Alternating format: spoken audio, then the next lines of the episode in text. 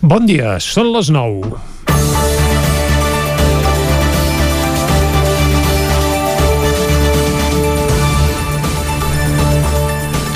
La línia d'autobús que va de Vic a Barcelona seguirà parant al centre de la capital catalana, concretament al carrer Casp.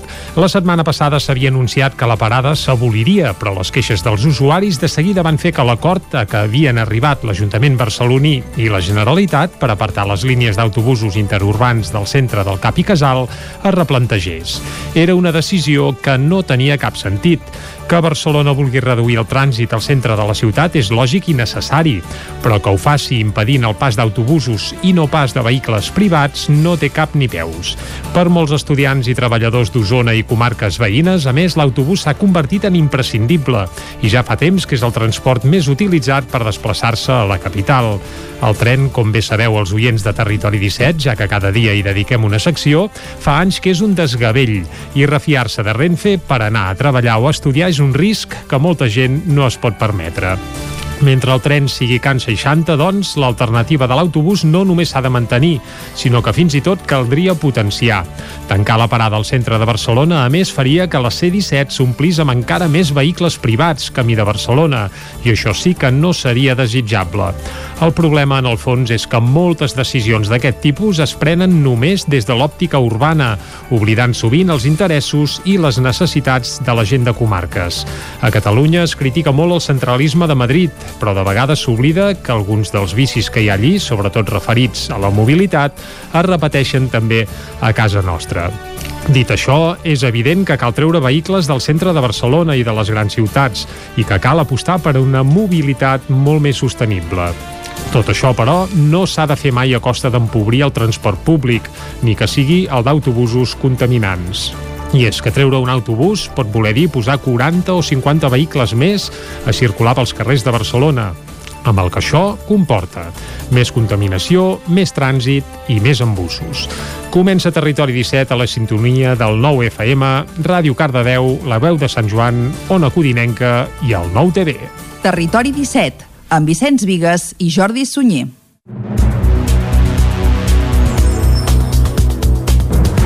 Són les 9 i 3 minuts i mig del dimarts, dia 26 de gener de 2021. Comença aquí un nou Territori 17 que avui, durant la primera hora, us acostarà tota l'actualitat de les nostres comarques. Després, a partir de les 10, les seccions habituals. Avui, el Buscat la Vida, amb Xela Falgueres. També parlarem d'economia amb en Joan Carles Arredondo.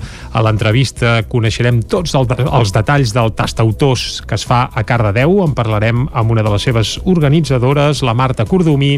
I avui acabarem parlant parlant de meteorologia i medi ambient i ho farem amb els companys del Centre d'Estudis dels Rius Mediterranis ubicats al Museu del Ter de Manlleu. Amb ells parlarem del cens d'aus aquàtiques que es va fer fa uns dies precisament recorreguent tot el Ter des de la selva a Osona i el Ripollès. Això ho tocarem a la part final d'un territori 17 que arrenca ara mateix, fent un repàs a l'actualitat de les nostres comarques, les comarques del Ripollès, Osona, el Moianès i el Vallès Oriental. La pandèmia retrocedeix al Ripollès, però l'Hospital de Camp de Bànol encara nota la pressió assistencial. Isaac Muntades, des de la veu de Sant Joan. La situació epidemiològica al Ripollès continua sent força complicada, però a poc a poc es va reduint. Ara mateix la comarca té un índex de risc de rebrot de 673 punts segons les dades del Departament de Salut entre els dies 15 i 21 de gener. La taxa de propagació del virus ORT també es manté per sota de l'1 i és de 0,88 punts. En aquests dies es van diagnosticar 77 casos de la malaltia, la xifra més baixa des del mes de novembre, amb un 8,8% de PCRs o tests d'antígens positius, que seria una de les dades més preocupants, ja que hauria d'estar per sota del 5%. En canvi, el procés de vacunació avança bon ritme a la comarca i ja hi hauria el 3,2% de la població vacunada, amb 818 persones que han rebut la primera dosi i 75 la segona. Per exemple, divendres passat es va vacunar una vuitantena de persones vinculades al servei de les llars residència de la Fundació MAP de Ripoll, ja fossin persones ateses com professionals d'atenció directa. La metgessa de família de l'àrea bàsica de salut de Ribes de Freser Camp de Bànol, Dolors Perpinyà, insistia en la necessitat de vacunar-se. Jo ja m'he vacunat contra la Covid i m'he vacunat per protegir-me, per protegir la meva família, per protegir tota la gent del meu entorn i per continuar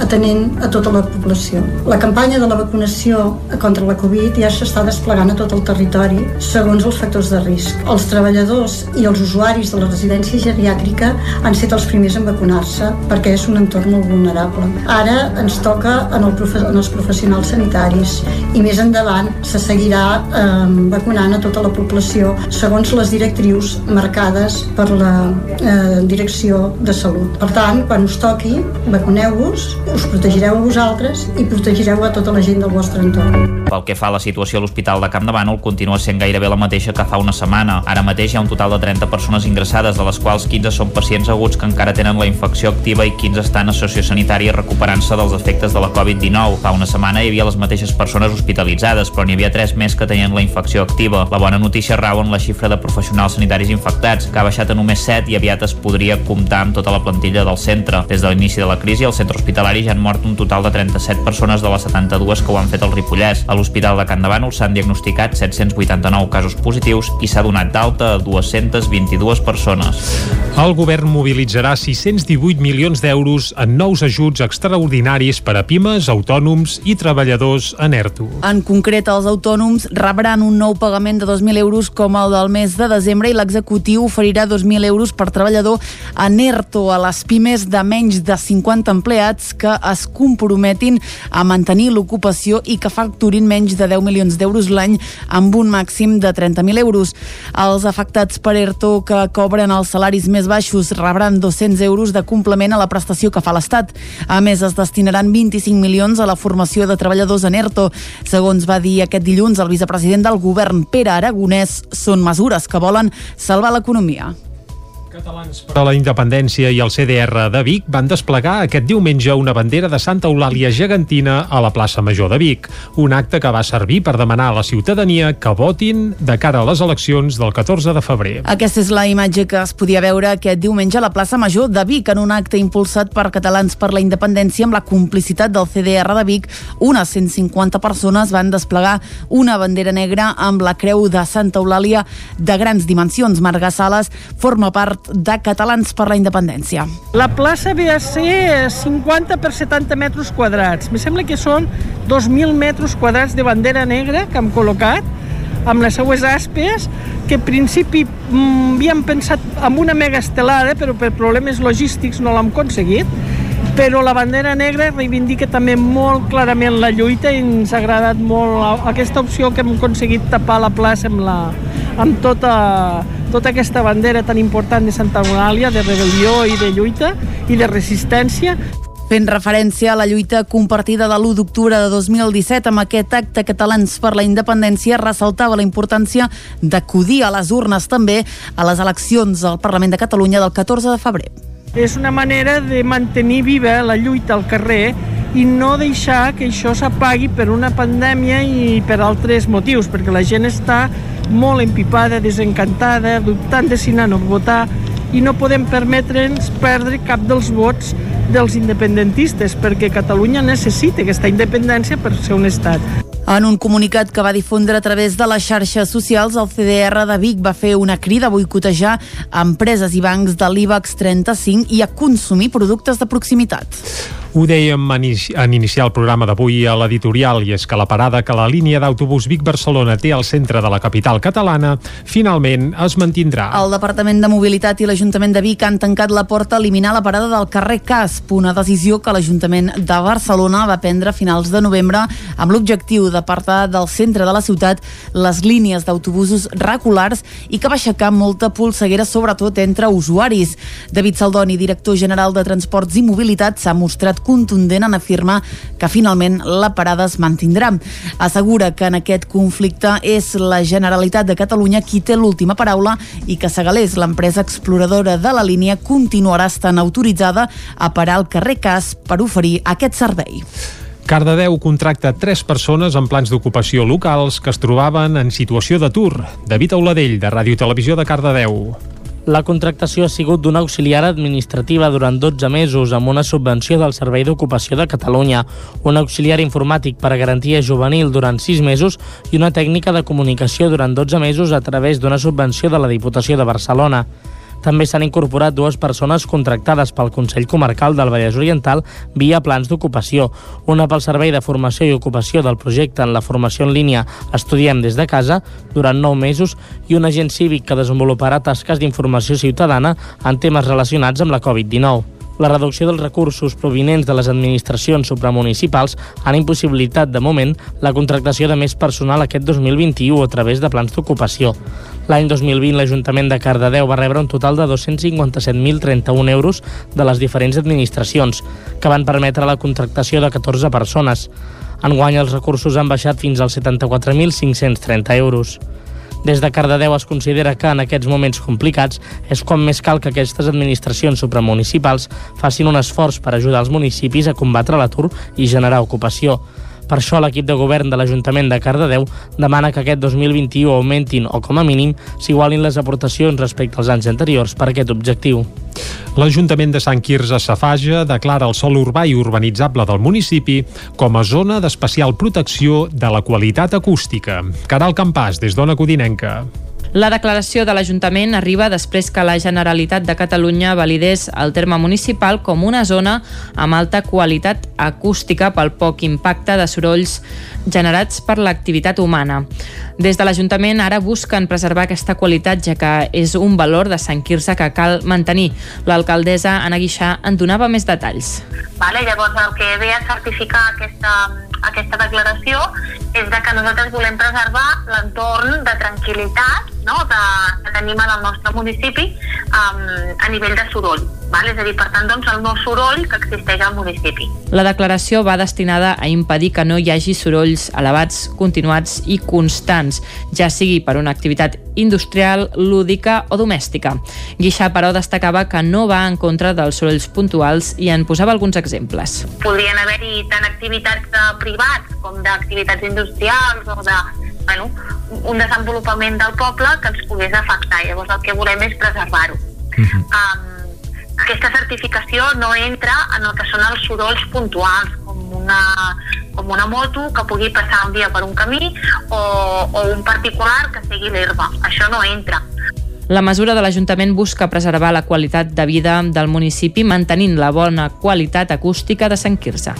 Laia Martínez agafa el relleu a Núria Pérez com a alcaldessa de Pardines després de la seva renúncia per motius personals i professionals. Isaac Muntades, des de la veu de Sant Joan. Després de 5 anys i gairebé 8 mesos al càrrec, la fins ara alcaldessa de Pardines, Núria Pérez va decidir renunciar a l'alcaldia per motius personals i professionals i va cedir el relleu a Laia Martínez en un ple extraordinari i urgent celebrat el passat dimecres. Martínez, de només 25 anys, es va convertir en l'alcaldessa més jove de tot Catalunya i va rebre la vara d'alcaldessa de mans de la seva predecessora, que mantindrà la seva acta com a regidora al consistori. Fins al relleu, la nova batllessa era regidora d'Educació, Festes, Cultura i primera tinent d'alcaldessa des de l'any 2019 i actualment treballa de mestra d'Educació Infantil a una escola del Ripollès. Martínez va ser escollida pel càrrec amb els 5 vots dels regidors del grup d'independents per Pardines Acord Municipal, una llista associada a Esquerra Republicana, que és l'única que té presència al consistori pertinent. La resta de regidors de l'Ajuntament són Marta Desel, Jaume Morera i Jordi Ubach. Pérez va aconseguir l'alcaldia l'any 2015 i en aquest segon mandat encetat el 2019 fins i tot va ser consellera comarcal i el seu nom va sonar per ocupar la presidència quan encara no s'havia produït el pacte a tres bandes entre Junts per Catalunya, el PSC i més. Al final va abandonar el càrrec a l'ens comarcal i va ser substituïda per Chantal Pérez. En una carta dirigida als veïns de Pardines, Pérez deia que havia estat un autèntic honor servir al poble que l'havia vist néixer i créixer, però que des de fa uns mesos la seva situació personal i professional l'ha portat a prendre aquesta decisió. De fet, Pérez deia que el fet de no viure al poble li provocava un neguit per la falta d'immediatesa en determinades situacions i que la manca de temps l'ha portat a destinar temps en horaris intempestius, un fet que ha anat en detriment de la seva salut i estat emocional. Amb tot, Pérez continuarà sent regidora de la corporació i, per tant, encara no s'acomiadarà de l'Ajuntament. El relleu a l'alcaldia de Pardines és el segon que es produeix al Ripollès en aquest mandat, ja que el mes de maig Pere Carreras va convertir en el nou batlle de Campelles per la defunció de Joan d'Ordes.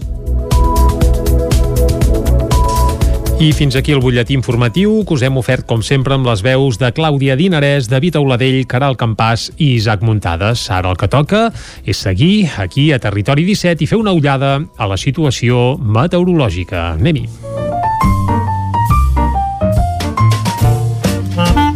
Casa Terradellos us ofereix el temps. I a Territori 17 parlar del temps és sinònim de parlar amb el Pep Acosta, que ja el tenim a punt per explicar-nos el temps que ens espera per a les properes hores. Pep, molt bon dia.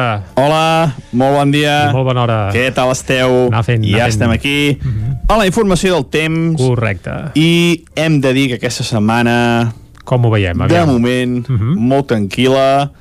Uh, hem tingut un mes de, de gener Que bastant mogut. I tant. Fred, uh, pluja, Mm -hmm. el gran temporal, Filomena... La Filomena. Uh, val a dir que l'any passat ja vam tenir també el Glòria O encara va ser normalment els geners eren mesos tranquils mm, amb molt anticicló no passava gran cosa uh, poques precipitacions Mhm. mm -hmm. els últims anys són molt més moguts uh, lògicament també això no hi ha dubtes que el, el canvi climàtic tan gran que tenim jo crec que també té, hi té a veure cosa segur, segur segur que és culpa de- d'aquest eh, canvi climàtic global que, que estem tenint. Bueno, deixem el canvi climàtic a banda, que ho dic moltes vegades i em faig molt pesat, No, però ja i anem ja, pel temps que fa avui. Anem-hi, va. Ahir, perdó, eh, faig una petita mirada al passat. Fes, Ahir fes. va passar un petit front, molt poca cosa, eh, es va tapar, va tapar el cel, quatre gotes al Pirineu, però bueno, molt, molt trist el seu pas, molt poques incidències. Eh, això és història, i aquesta nit ha fet una mica més de fred. Eh, temperatures de 4-5 graus negatives a les zones més altes del Pirineu, del nostre Pirineu, de l'Oriental, eh, per sobre dels 5 graus a l'interior i ja per sobre dels 5 graus al peritoral. I això no és res. Aquestes temperatures eh, no són de ple hivern, són una mica més altes del normal, però el que ve eh, són les temperatures eh, molt més altes del que seria normal. Avui sí? encara no. Avui serà, entre cometes, podríem dir, l'últim dia d'hivern d'aquesta setmana. Les temperatures màximes baixaran, no superarem els 15 graus a cap població, la majoria quedaran entre els 8 i els 13. Sol i núvols, no plourà en lloc, i eh, tenim una situació, eh, un anticicló de sud que mica en mica va pujant de l'altitud i ens va portant vents de sud. Avui encara no entraran gaire, però a partir de demà començaran a entrar aquests vents de sud i seran els responsables de la pujada notable de les temperatures que es produirà ja a partir de demà. Seran les temperatures bastant més altes del que és habitual. Però avui encara no, eh? Avui, com deia, uh -huh. entre cometes, últim dia d'hivern d'aquesta setmana, eh, temperatures una mica més altes del normal, sol i núvols, i un dia en general bastant, bastant tranquil, eh? La situació és bastant tranquil·la aquesta setmana no tindrem, sembla, cap dia de pluja mm, molt, molt, molt estancament uh -huh. pel que fa al temps demà parlarem d'això, eh, d'aquesta pujada de temperatures que ja tenim aquí a tocar. Moltes gràcies, adeu. Vinga, Pep, moltes gràcies a tu i ens quedem amb això. Últim dia d'hivern. Avui, dimarts, dia 26 de gener. A partir de demà s'enfilen les temperatures i, per tant, si anem cap al quiosc, que és el que farem ara de seguida amb la Clàudia Dinarès, potser hi podrem anar amb màniga curta i tot. Bé, això, eh, en tot cas, serà a partir de demà. Avui, dia d'hivern. Tanquem ara aquí la pàgina meteorològica i anem de seguida, com bé dèiem, cap al quiosc. Casa Tarradellas us ha ofert aquest espai. Territori 17. Envia'ns les teves notes de veu per WhatsApp al 646 079 023. 646 079 023. WhatsApp Territori 17.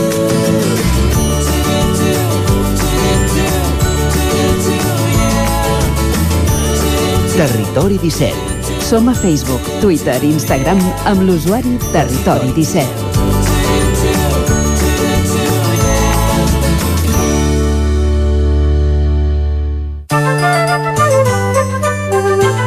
Doncs vinga, seguim a Territori 17. Clàudia, demà arriba la primavera, eh, segons en Pep Acosta. Que bé, Uh, Quines tu ets de ganes. temperatures mi millor calor que fred, eh? absolutament. Doncs a partir de demà ja ja ho tenim, això. Perfecte. S'acaba el fred. Avui per això encara som a l'hivern, encara farà un dia, ja ens ho ha dit prou el Pep, eh, per abrigar-nos i fort. Per tant, anem cap al quiosc, això, ben abrigadets, si cal amb bufanda, guants i gorros. I què ens diuen les portades avui? Doncs va, Jordi, comencem com sempre el repàs de portades, ho fem amb el punt punt avui que parla d'un nou pla d'ajudes, ja ho hem dit a principi de, del programa, eh? 618 milions d'euros per pimes, autònoms i afectats per ERTO. El govern català anuncia un nou paquet d'ajudes directes de 2.000 euros. A la imatge del punt avui, els ingressos per Covid ja superen els 3.000, les hospitalitzacions i l'ocupació de les UCI en els volums de la primera onada. També veiem a Illa, és un dels uh, protagonistes de les portades d'avui, plega, avui plega, diu... exacte, exacte, és avui, eh, que en teoria plega, sí. Exacte, avui plega sense dir, donar, diu, explicacions al Congrés i la Fiscalia reafirma que Esati va morir en l'explosió de la casa del Canà. Anem al diari Ara que diu injecció directa del govern a treballadors en ERTO, pimes i autònoms. La Generalitat destina 618 milions a un paquet d'ajuts i acusa l'Estat de no actuar. L'executiu diu recórrer la liquiditat disponible i farà servir el marge d'endeutament de l'any 2020 21. Illa deixa avui el càrrec amb rècord de contagis i a la imatge diu una altra metamorfosi de Barcelona. Parla de l'exposició que es pot veure a partir d'ara al Museu Picasso de Màlaga. Més titulars de l'ara, la Unió Europea exigeix a AstraZeneca les vacunes acordades i Catalunya supera, com veiem, els 3.000 ingressats als hospitals. Es registren menys casos, però el 70% dels llits d'UCI ja estan ocupats per malalts de Covid-19. Mhm. Anem al periòdico que diu la Unió Europea demana aïllar les àrees amb més contagis. Brussel·les proposa tancar els territoris que superin els 500 casos per 100.000 habitants. Espanya, que s'acosta als 900, només se'n salven les comunitats del nord. A la imatge diu en guàrdia davant l'abstenció. Els candidats catalans intenten conjurar el risc que la pandèmia enfonsi la participació de cara al 14 De F. febrer. Mhm. Exactament. Uh, també veiem a Illa que diu deixa Sanitat i Sánchez es volcarà en la seva campanya per la Generalitat i cau el número 2 del Partit Popular català imputat per agressió sexual, un titular que ja avançàvem a les portades d'aquest dilluns i que, per cert, eh, es refereixen a, a Daniel Serrano, eh, que Daniel Serrano, Que no que no, anava, no anava de número 2 ara No. les llistes, perquè la número 2 és Lorena Roldán, ex, vaja, a, a Ciutadans fins fa 4 dies, ben curiós. eh, Aquestes, Molt curiós. Aquestes situacions del PP català, sí. Seguim. Acabem les portades catalanes amb l'avantguàrdia que diu el retard de Pfizer frena en sec la vacunació a Catalunya. Les existències serviran per inocular les segones dosis mentre refà altra vegada el pla de vacunes. A la imatge, ira contra el toc de queda a Holanda. Els afectats per un ERTO rebran fins a 600 euros. Veiem que és una altra de les notícies del dia i, evidentment, Illa, que deixa el Ministeri amb crítiques del PP i UP per no anar abans al Congrés. Doncs bé, de moment encara no l'ha deixat, però sí que ho ha de fer durant el dia d'avui, per tant, després es podrà centrar, si és que ja no estava centrat, amb la campanya del PSC al 14F, que bé, encara el 100% tampoc està garantit, eh, que siguin el 14 de febrer, però sembla que cada cop tothom ho té més assumit, començant pels mateixos partits que hi han de concórrer. Seguim, anem ara a les portades d'àmbit estatal. Comencem amb el país que diu la Unió Europea demana aïllar zones amb la incidència de gairebé tot Espanya. Rècord de contagis al cap de setmana amb 93.822 casos. La sortida sobtada, diu, d'Illa indigna als seus socis i també a l'oposició i he subratllat també un titular d'Itàlia, diu Conte dimiteix avui per intentar liderar un tercer executiu a Itàlia. Per tant, és una clara estratègia. A Itàlia, tela, eh? És a dir, canvien de, de governs que, vaja, cada dia gairebé, sí, sí. Anem al Mundo que diu Illa eh, se'n va de campanya amb les comunitats autònomes de passades per la seva inacció. Deixa avui el Ministeri amb les xifres desbocades, 93.822 casos en un sol cap de setmana. A la imatge veiem doncs a Illa, també veiem el president Pedro Sánchez, diu el desafiament apassionant d'Illa a Catalunya. També eh, han parlat avui al Mundo amb Enrique Ruiz Escudero, conseller de Sanitat a Madrid, que diu el pla de vacunació és impossible. Sánchez juga amb les emocions. Anem acabant, anem a la raó que diu és aterrador, ingressem tres Covid alhora a les UCIs. Els metges relaten la situació crítica dels hospitals davant del pic de la tercera onada. Uh, la imatge veiem a Fernando Simón, a Pedro Sánchez i també al ministre Illa. Diu Sánchez accelera la sortida d'Illa i salva a Escrivà davant d'Iglesias. I el Partit Popular diu no oferirà els seus vots al PSC davant de les eleccions. Acabem, com sempre, amb l'ABC que diu la Seguretat Social per pensionistes per primera vegada a la seva història. El Covid-19 va disparar a 61.000 les baixes del sistema l'any passat i va frenar la despesa en prestacions. Aquí veiem exactament la mateixa imatge que us comentava fa un moment a la Razón, on apareixen Fernando Simón, Pedro Sánchez i Salvador Illa. Uh, diu Illa se'n va en el pitjor moment i amb el retret del Congrés. Pedro Sánchez justifica la fuga del ministre en el desafiament català i el Parlament exigeix que doni explicacions davant la greu situació de la pandèmia. Doncs moltes gràcies, Clàudia Dinarès, per aquest repàs a les portades. Unes portades on un dels grans protagonistes avui, evidentment, és Salvador Illa, ministre de Sanitat a l'estat espanyol, encara avui, però en teoria durant la jornada d'aquest dimarts eh, ha de causar baixa per poder-se centrar ja a la precampanya electoral que s'atança de cara al 14 de febrer. També moltes portades es fan referència d'aquest endarreriment de Pfizer eh, que frena la vacunació a Catalunya. Més que res, no estan complint amb el que s'havia pactat prèviament amb la Unió Europea pel que fa al subministrament de vacunes. Farem una ullada també a les portades de la premsa esportiva, avui que tenim encara un minutet per fer-ho, i veurem que al Mundo Deportivo a la portada hi ha De Jong, Frankie De Jong, que diu creix en teoria està agafant protagonisme i sembla que mica en mica es va acostant a aquell jugador que havia brillat a l'Àgex. En canvi, a l'esport, a la portada hi apareix Eric Garcia, aquest central català que juga a la Premier League i hi posen dia D, és a dir, avui podria ser un dia important per saber si acabarà aterrant el Barça durant aquest mercat d'hivern o no. Uh, I en canvi l'esportiu, el nou esportiu, uh, aquí apareix a la portada, és uh, amb un titular que diu tossut, eh? així ben tossut, doncs és el Riqui Puig que bé, que l'altre dia va marcar de cap, com bé vam repassar aquí a Territori 17 ahir a la tertúlia esportiva. Tanquem aquí aquest repàs a la premsa d'avui i de seguida tornarem aquí a Territori 17 acostant-vos de nou tota l'actualitat de les nostres comarques. Fins ara mateix.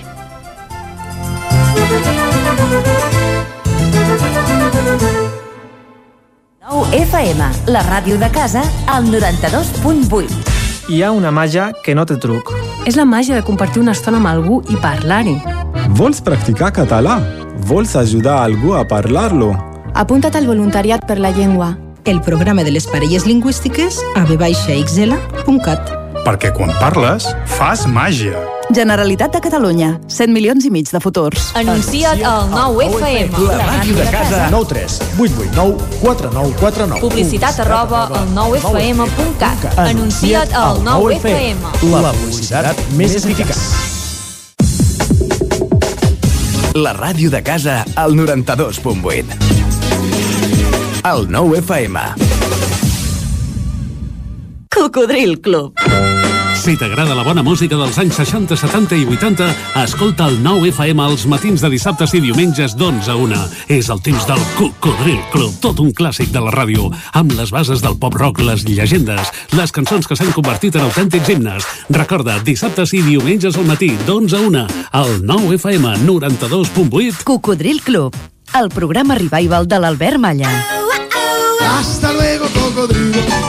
Cobertes serveis funeraris. Els nostres tanatoris estan ubicats en els nuclis urbans més poblats de la comarca d'Osona per oferir un millor servei. Tanatori de Vic, Tanatori de Manlleu, Tanatori de Centelles i Tanatori de Roda de Ter. Sabem que són moments difícils i per això el nostre compromís és atendre-us en tot moment amb un tracte humà, sensible i respectuós. Cobertes serveis funeraris. Telèfon 24 hores 93 883 23 46. El nou FM, la ràdio de casa, al 92.8. Només pensar en passar aquesta nit sense calefacció amb aquest fred... No es preocupi, hem analitzat a fons la caldera i de seguida quedarà reparada i en funcionament. Quan tingui un problema amb la seva caldera, vagi directament a la solució. Truqui sempre al servei tècnic oficial de Saunier Duval i despreocupis, perquè som fabricants i coneixem les nostres calderes peça a peça. Informis a Oficiat Nord trucant al 938860040. Saunier Duval, sempre al seu costat. Estudi fotogràfic. Nosaltres et lloguem el plató amb tot tipus de decorats i tu fas les fotos per només 18 euros l'hora. Per comunions, aniversaris, bucs, embarassades, nounats, suport rotatiu per fer vídeos de TikTok i molt més. Per Sant Valentí regala un val per només 18 euros i tindràs un bon record fotogràfic. Ens trobaràs al carrer de Sant Tomàs 4 de Calldetenes, al telèfon 640 56 0310 i també a Instagram i a Facebook.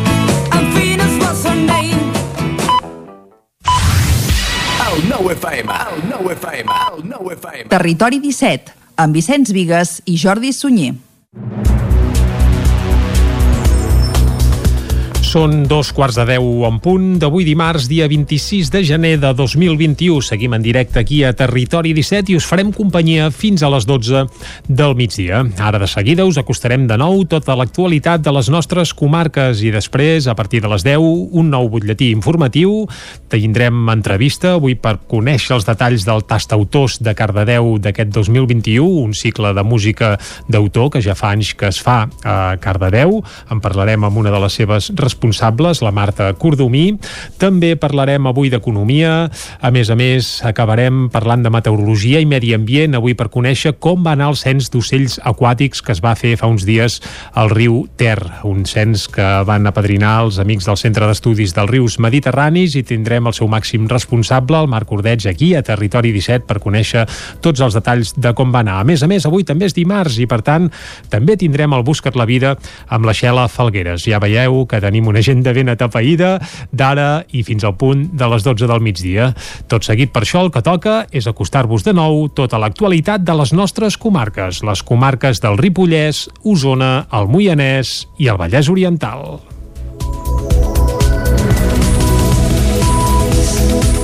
La pandèmia retrocedeix al Ripollès, però l'Hospital de Camp de Bànol encara nota la pressió assistencial. Isaac Muntades, des de la veu de Sant Joan.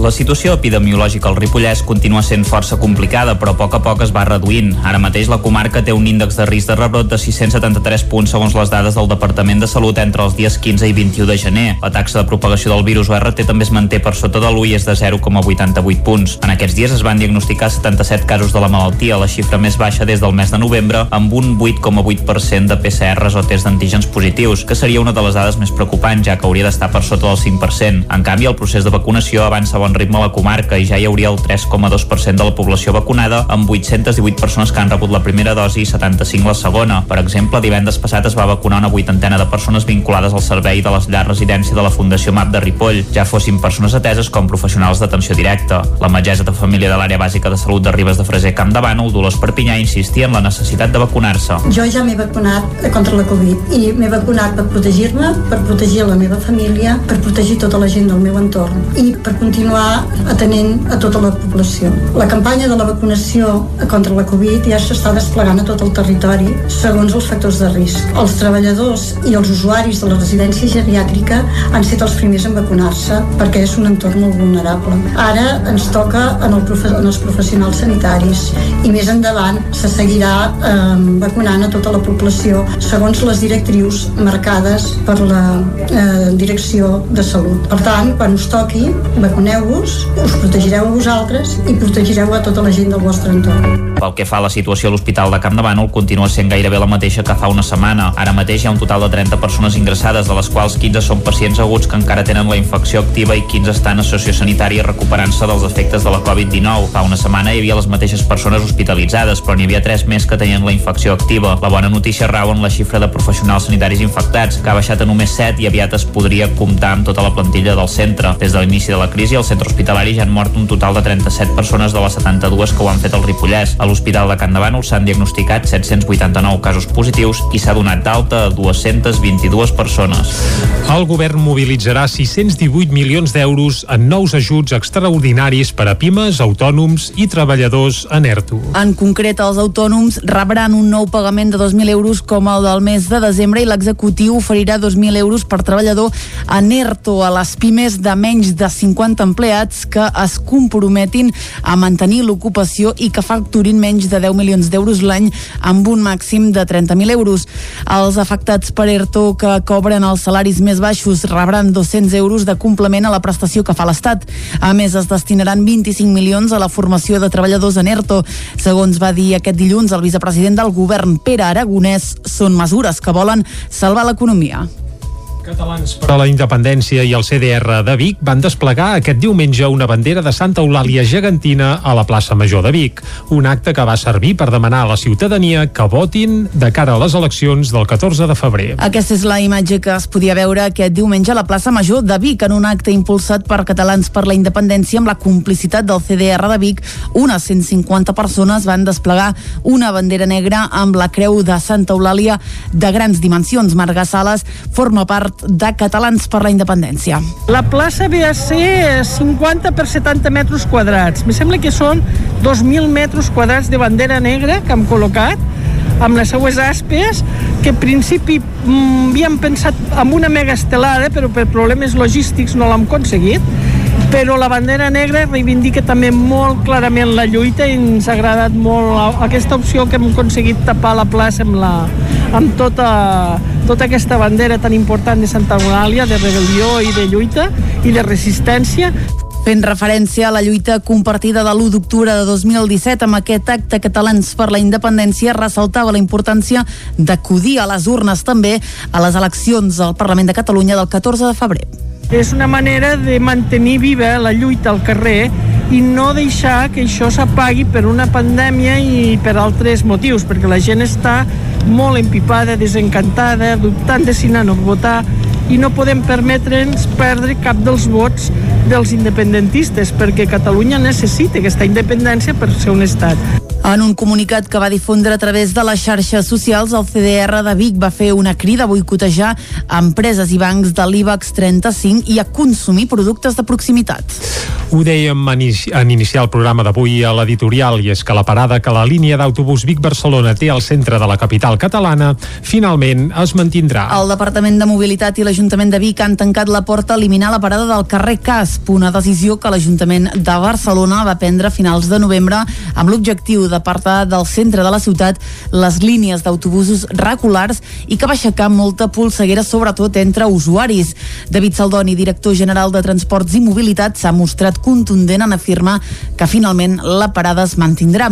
Assegura que en aquest conflicte és la Generalitat de Catalunya qui té l'última paraula i que Segalés, l'empresa exploradora de la línia, continuarà estant autoritzada a parar al carrer Cas per oferir aquest servei. Cardedeu contracta tres persones en plans d'ocupació locals que es trobaven en situació d'atur. David Auladell, de Ràdio i Televisió de Cardedeu. La contractació ha sigut d'una auxiliar administrativa durant 12 mesos amb una subvenció del Servei d'Ocupació de Catalunya, un auxiliar informàtic per a garantia juvenil durant 6 mesos i una tècnica de comunicació durant 12 mesos a través d'una subvenció de la Diputació de Barcelona. També s'han incorporat dues persones contractades pel Consell Comarcal del Vallès Oriental via plans d'ocupació, una pel Servei de Formació i Ocupació del projecte en la formació en línia Estudiem des de casa durant nou mesos i un agent cívic que desenvoluparà tasques d'informació ciutadana en temes relacionats amb la Covid-19 la reducció dels recursos provinents de les administracions supramunicipals han impossibilitat de moment la contractació de més personal aquest 2021 a través de plans d'ocupació. L'any 2020 l'Ajuntament de Cardedeu va rebre un total de 257.031 euros de les diferents administracions, que van permetre la contractació de 14 persones. Enguany els recursos han baixat fins als 74.530 euros. Des de Cardedeu es considera que en aquests moments complicats és quan més cal que aquestes administracions supramunicipals facin un esforç per ajudar els municipis a combatre l'atur i generar ocupació. Per això l'equip de govern de l'Ajuntament de Cardedeu demana que aquest 2021 augmentin o com a mínim s'igualin les aportacions respecte als anys anteriors per aquest objectiu. L'Ajuntament de Sant Quirze Safaja declara el sòl urbà i urbanitzable del municipi com a zona d'especial protecció de la qualitat acústica. Caral Campàs, des d'Ona Codinenca.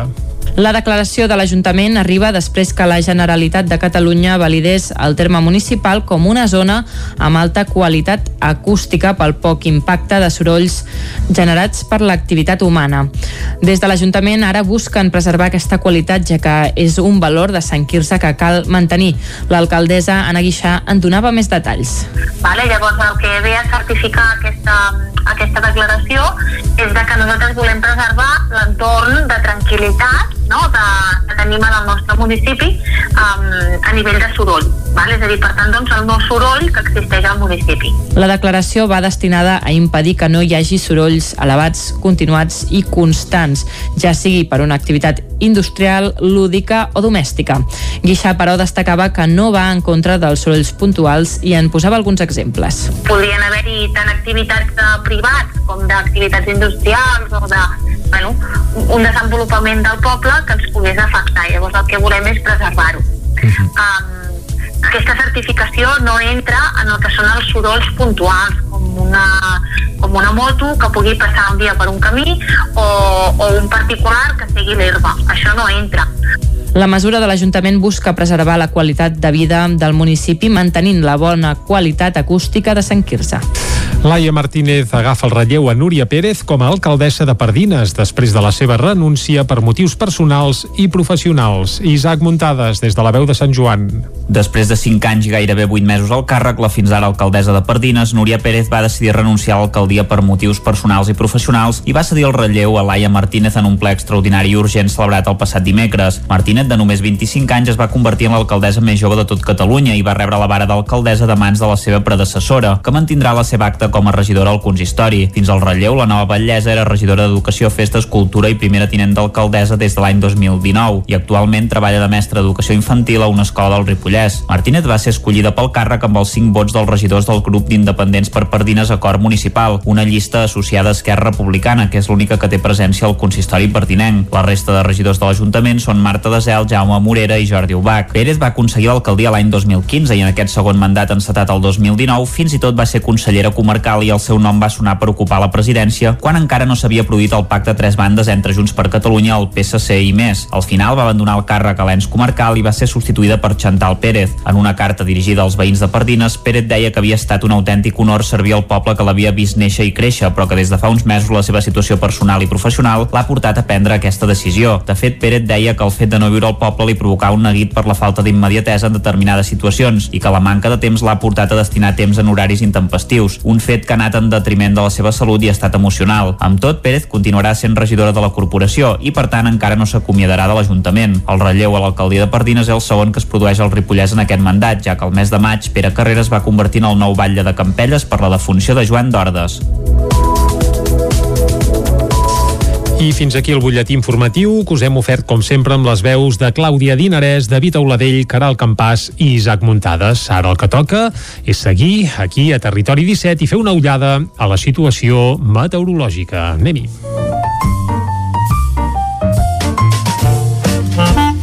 Casa Terradellos us ofereix el temps. I a Territori 17 parlar del temps és sinònim de parlar amb el Pep Acosta, que ja el tenim a punt per explicar-nos el temps que ens espera per a les properes hores. Pep, molt bon dia. Hola, molt bon dia. I molt bona hora. Què tal esteu? Anar fent, ja anar fent. estem aquí Mm -hmm. a la informació del temps. Correcte. I hem de dir que aquesta setmana... Com ho veiem? De Aviam. moment, uh -huh. molt tranquil·la. Uh, hem tingut un mes de, de gener Que Déu-n'hi-do. bastant mogut. I tant. Fred, uh, pluja, uh -huh. el gran temporal Filomena. La Filomena. Uh, val a dir que l'any passat ja vam tenir també el Glòria. O encara va ser Normalment els geners eren mesos tranquils, mm, amb molt anticicló, no passava gran cosa, uh, poques precipitacions. Uh -huh. Els últims anys són molt més moguts. Uh, lògicament també això no hi ha dubtes que el, el canvi climàtic tan gran que tenim jo crec que també té, hi té a veure cosa segur, segur segur que és culpa de- d'aquest eh, canvi climàtic global que, que estem tenint. bueno, deixem el canvi climàtic a banda, que ho dic moltes vegades i em faig molt pesat, no, però ja i anem ja, pel temps que fa avui. Anem-hi, va. Ahir, perdó, eh, faig una petita mirada al passat, Fes, fes. ahir va passar un petit front, molt poca cosa, eh, es va tapar, va tapar el cel, quatre gotes al Pirineu, però bueno, molt, molt trist el seu pas, molt poques incidències. Eh, això és història, i aquesta nit ha fet una mica més de fred. Eh, temperatures de 4 a 5 graus negatives a les zones més altes del Pirineu, del nostre Pirineu, de l'Oriental, eh, per sobre dels 5 graus a l'interior i ja per sobre dels 5 graus al peritoral. I això no és res. Aquestes temperatures no són de ple hivern, són una mica més altes del normal, però el que ve eh, són les temperatures eh, molt més altes del que seria normal. Avui sí? encara no. Avui serà, entre cometes, podríem dir, l'últim dia d'hivern d'aquesta setmana. Les temperatures màximes baixaran, no superarem els 15 graus a cap població, la majoria quedaran entre els 8 i els 13. Sol i núvols, no plourà en lloc, i eh, tenim una situació, eh, un anticicló de sud que mica en mica va pujant de l'altitud i ens va portant vents de sud. Avui encara no entraran gaire, però a partir de demà començaran a entrar aquests vents de sud i seran els responsables de la pujada notable de les temperatures que es produirà ja a partir de demà. Seran les temperatures bastant més altes del que és habitual. Però avui encara no, eh? Avui, com deia, entre cometes, últim dia d'hivern d'aquesta setmana, eh, temperatures una mica més altes del normal, sol i núvols, i un dia en general bastant, bastant tranquil, eh? La situació és bastant tranquil·la aquesta setmana no tindrem, sembla, cap dia de pluja mm, molt, molt, molt estancament pel que fa al temps demà parlarem d'això, eh, d'aquesta pujada de temperatures que ja tenim aquí a tocar. Moltes gràcies, adeu. Vinga, Pep, moltes gràcies a tu i ens quedem amb això. Últim dia d'hivern. Avui, dimarts, dia 26 de gener. A partir de demà s'enfilen les temperatures i, per tant, si anem cap al quiosc, que és el que farem ara de seguida amb la Clàudia Dinarès, potser hi podrem anar amb màniga curta i tot. Bé, això, eh, en tot cas, serà a partir de demà. Avui, dia d'hivern. Tanquem ara aquí la pàgina meteorològica i anem de seguida, com bé dèiem, cap al quiosc. Casa Tarradellas us ha ofert aquest espai. Territori 17. Envia'ns les teves notes de veu per WhatsApp al 646 079 023. 646 079 023. WhatsApp Territori 17.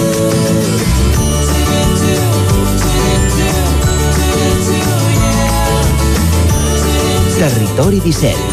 Som a Facebook, Twitter i Instagram amb l'usuari Territori 17.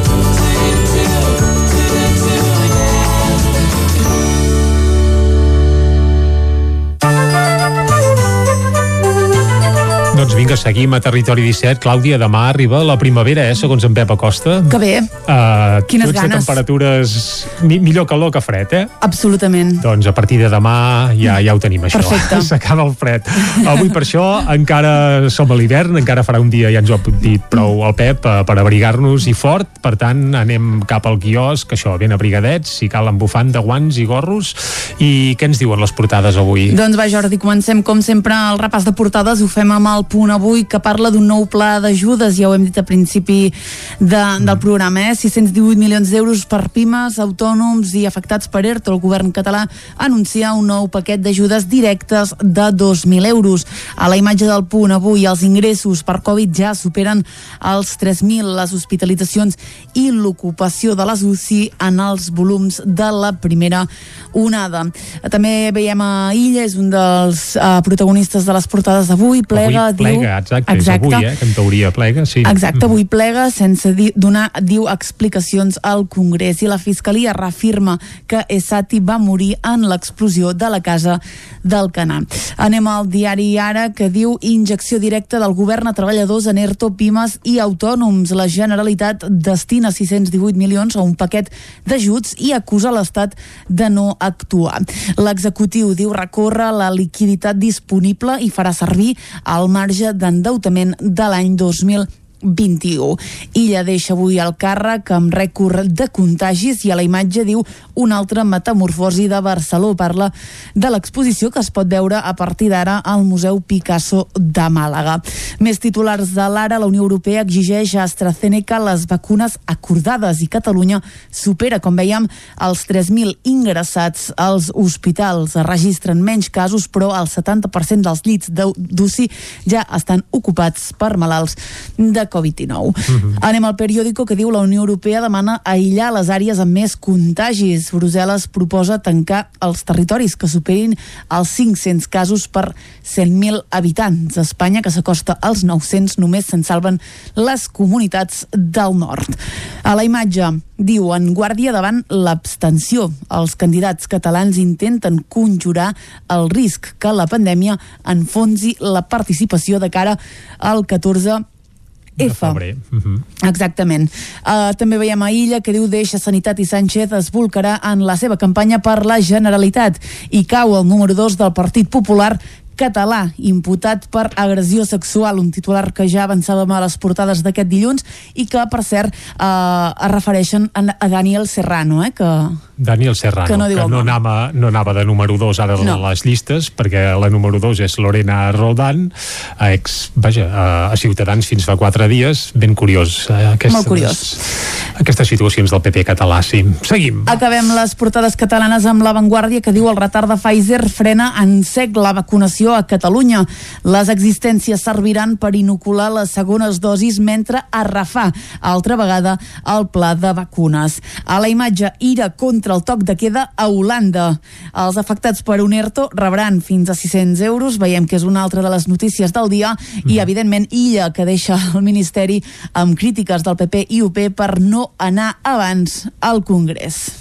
Doncs bé, de moment encara no l'ha deixat, però sí que ho ha de fer durant el dia d'avui, per tant, després es podrà centrar, si és que ja no estava centrat, amb la campanya del PSC al 14F, que bé, encara el 100% tampoc està garantit, eh, que siguin el 14 de febrer, però sembla que cada cop tothom ho té més assumit, començant pels mateixos partits que hi han de concórrer. Seguim, anem ara a les portades d'àmbit estatal. Comencem amb el país que diu la Unió Europea demana aïllar zones amb la incidència de gairebé tot Espanya. Rècord de contagis al cap de setmana amb 93.822 casos. La sortida sobtada, diu, d'Illa indigna als seus socis i també a l'oposició i he subratllat també un titular d'Itàlia, diu Conte dimiteix avui per intentar liderar un tercer executiu a Itàlia. Per tant, és una clara estratègia. A Itàlia, tela, eh? És a dir, canvien de, de governs que, vaja, cada dia gairebé, sí, sí. Anem al Mundo, que diu Illa eh, se'n va de campanya amb les comunitats autònomes de passades per la seva inacció. Deixa avui el Ministeri amb les xifres desbocades, 93.822 casos en un sol cap de setmana. La imatge veiem, doncs, a Illa també també veiem el president Pedro Sánchez, diu el desafiament apassionant d'Illa a Catalunya. També eh, han parlat avui al Mundo amb Enrique Ruiz Escudero, conseller de Sanitat a Madrid, que diu el pla de vacunació és impossible. Sánchez juga amb les emocions. Anem acabant, anem a la raó que diu és aterrador, ingressem tres Covid alhora a les UCIs. Els metges relaten la situació crítica dels hospitals davant del pic de la tercera onada. Uh, la imatge veiem a Fernando Simón, a Pedro Sánchez i també al ministre Illa. Diu Sánchez accelera la sortida d'Illa i salva a Escrivà davant d'Iglesias. I el Partit Popular diu no oferirà els seus vots al PSC davant de les eleccions. Acabem, com sempre, amb l'ABC que diu la Seguretat Social per pensionistes per primera vegada a la seva història. El Covid-19 va disparar a 61.000 les baixes del sistema l'any passat i va frenar la despesa en prestacions. Aquí veiem exactament la mateixa imatge que us comentava fa un moment a la Razón, on apareixen Fernando Simón, Pedro Sánchez i Salvador Illa.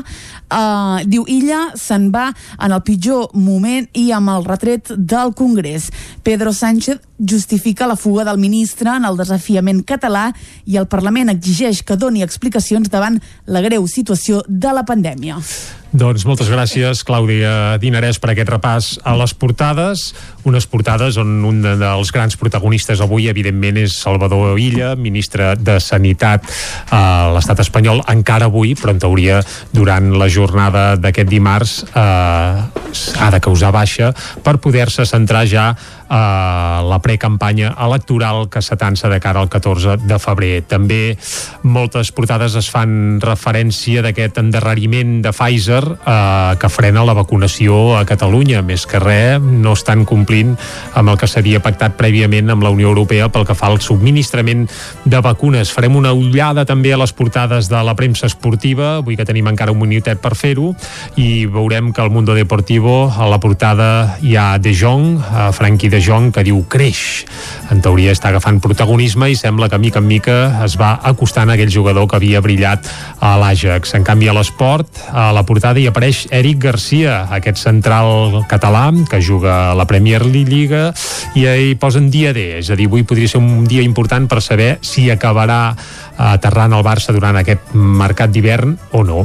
Uh, I en canvi l'esportiu, el nou esportiu, uh, qui apareix a la portada és uh, amb un titular que diu tossut, eh? així ben tossut, doncs és el Riqui Puig que bé, que l'altre dia va marcar de cap, com bé vam repassar aquí a Territori 17 ahir a la tertúlia esportiva. Tanquem aquí aquest repàs a la premsa d'avui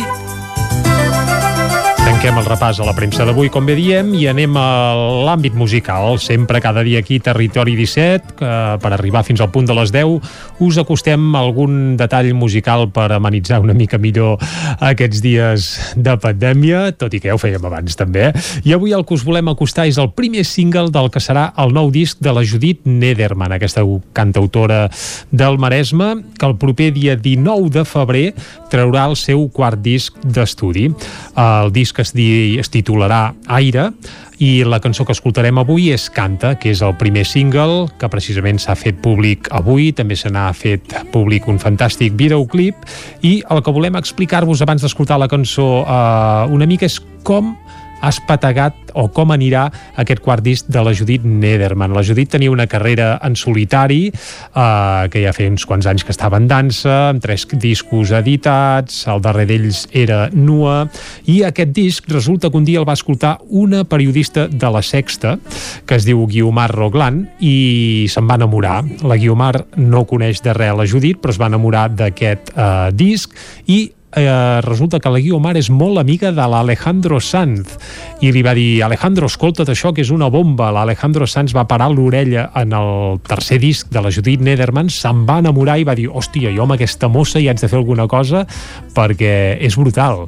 I com qui no vol la cosa, va connectar amb ella i li va proposar a eh, Judit que estic preparant un disc nou que es dirà El Disco i m'agradaria que féssim alguna junts clar, la Judit flipant, no? M'ha trucat l'Alejandro Sanz i resulta que vol fer una cançó amb mi i així va anar. Uh, la Judit li va proposar una cançó, a més, uh, feta en català i castellà, a mitges, per tant l'Alejandro Sanz va acabar cantant una frase fins i tot en català, perquè diguem que l'Alejandro en aquesta cançó hi cantava en castellà, la Judit en català i tots plegats es casaven fent una frase, doncs això, en català i d'aquella relació uh, bé, uh, diguem que la cosa va fructificar, va néixer una bona amistat, la Judit Nederman va participar en alguns directes de la gira de l'Alejandro Sanz d'aquell vaja, d'aquell disc i a més a més Uh, resulta que l'Alejandro la va fitxar pel seu segell i per la seva oficina de manejament. Per tant, aquest nou disc de la Judit Nederman no s'editarà només als països catalans, sinó arreu de l'Estat i pràcticament arreu del món. I la cançó uh, que escoltarem ara és el primer single d'aquest nou disc, apadrinat per l'Alejandro Sanz, perquè recordem que tant l'oficina de manejament com el llançament del disc es farà des de, això, des de casa d'aquesta patum de la música uh, llatinoamericana i pràcticament mundial. Escoltem aquest canta de la Judit Nederman. Amb això arribarem fins al punt de les 10. Salut i fins ara. Seguim a Territori 17. Y que yo entiendo más allá de tus palabras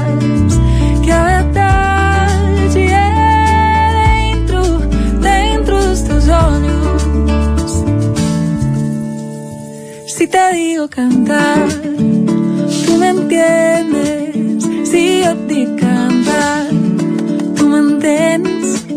Se eu digo cantar, você compreende. Se eu te cantar, tu mantens.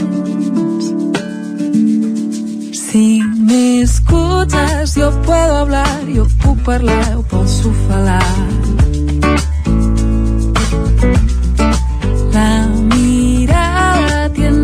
Tiene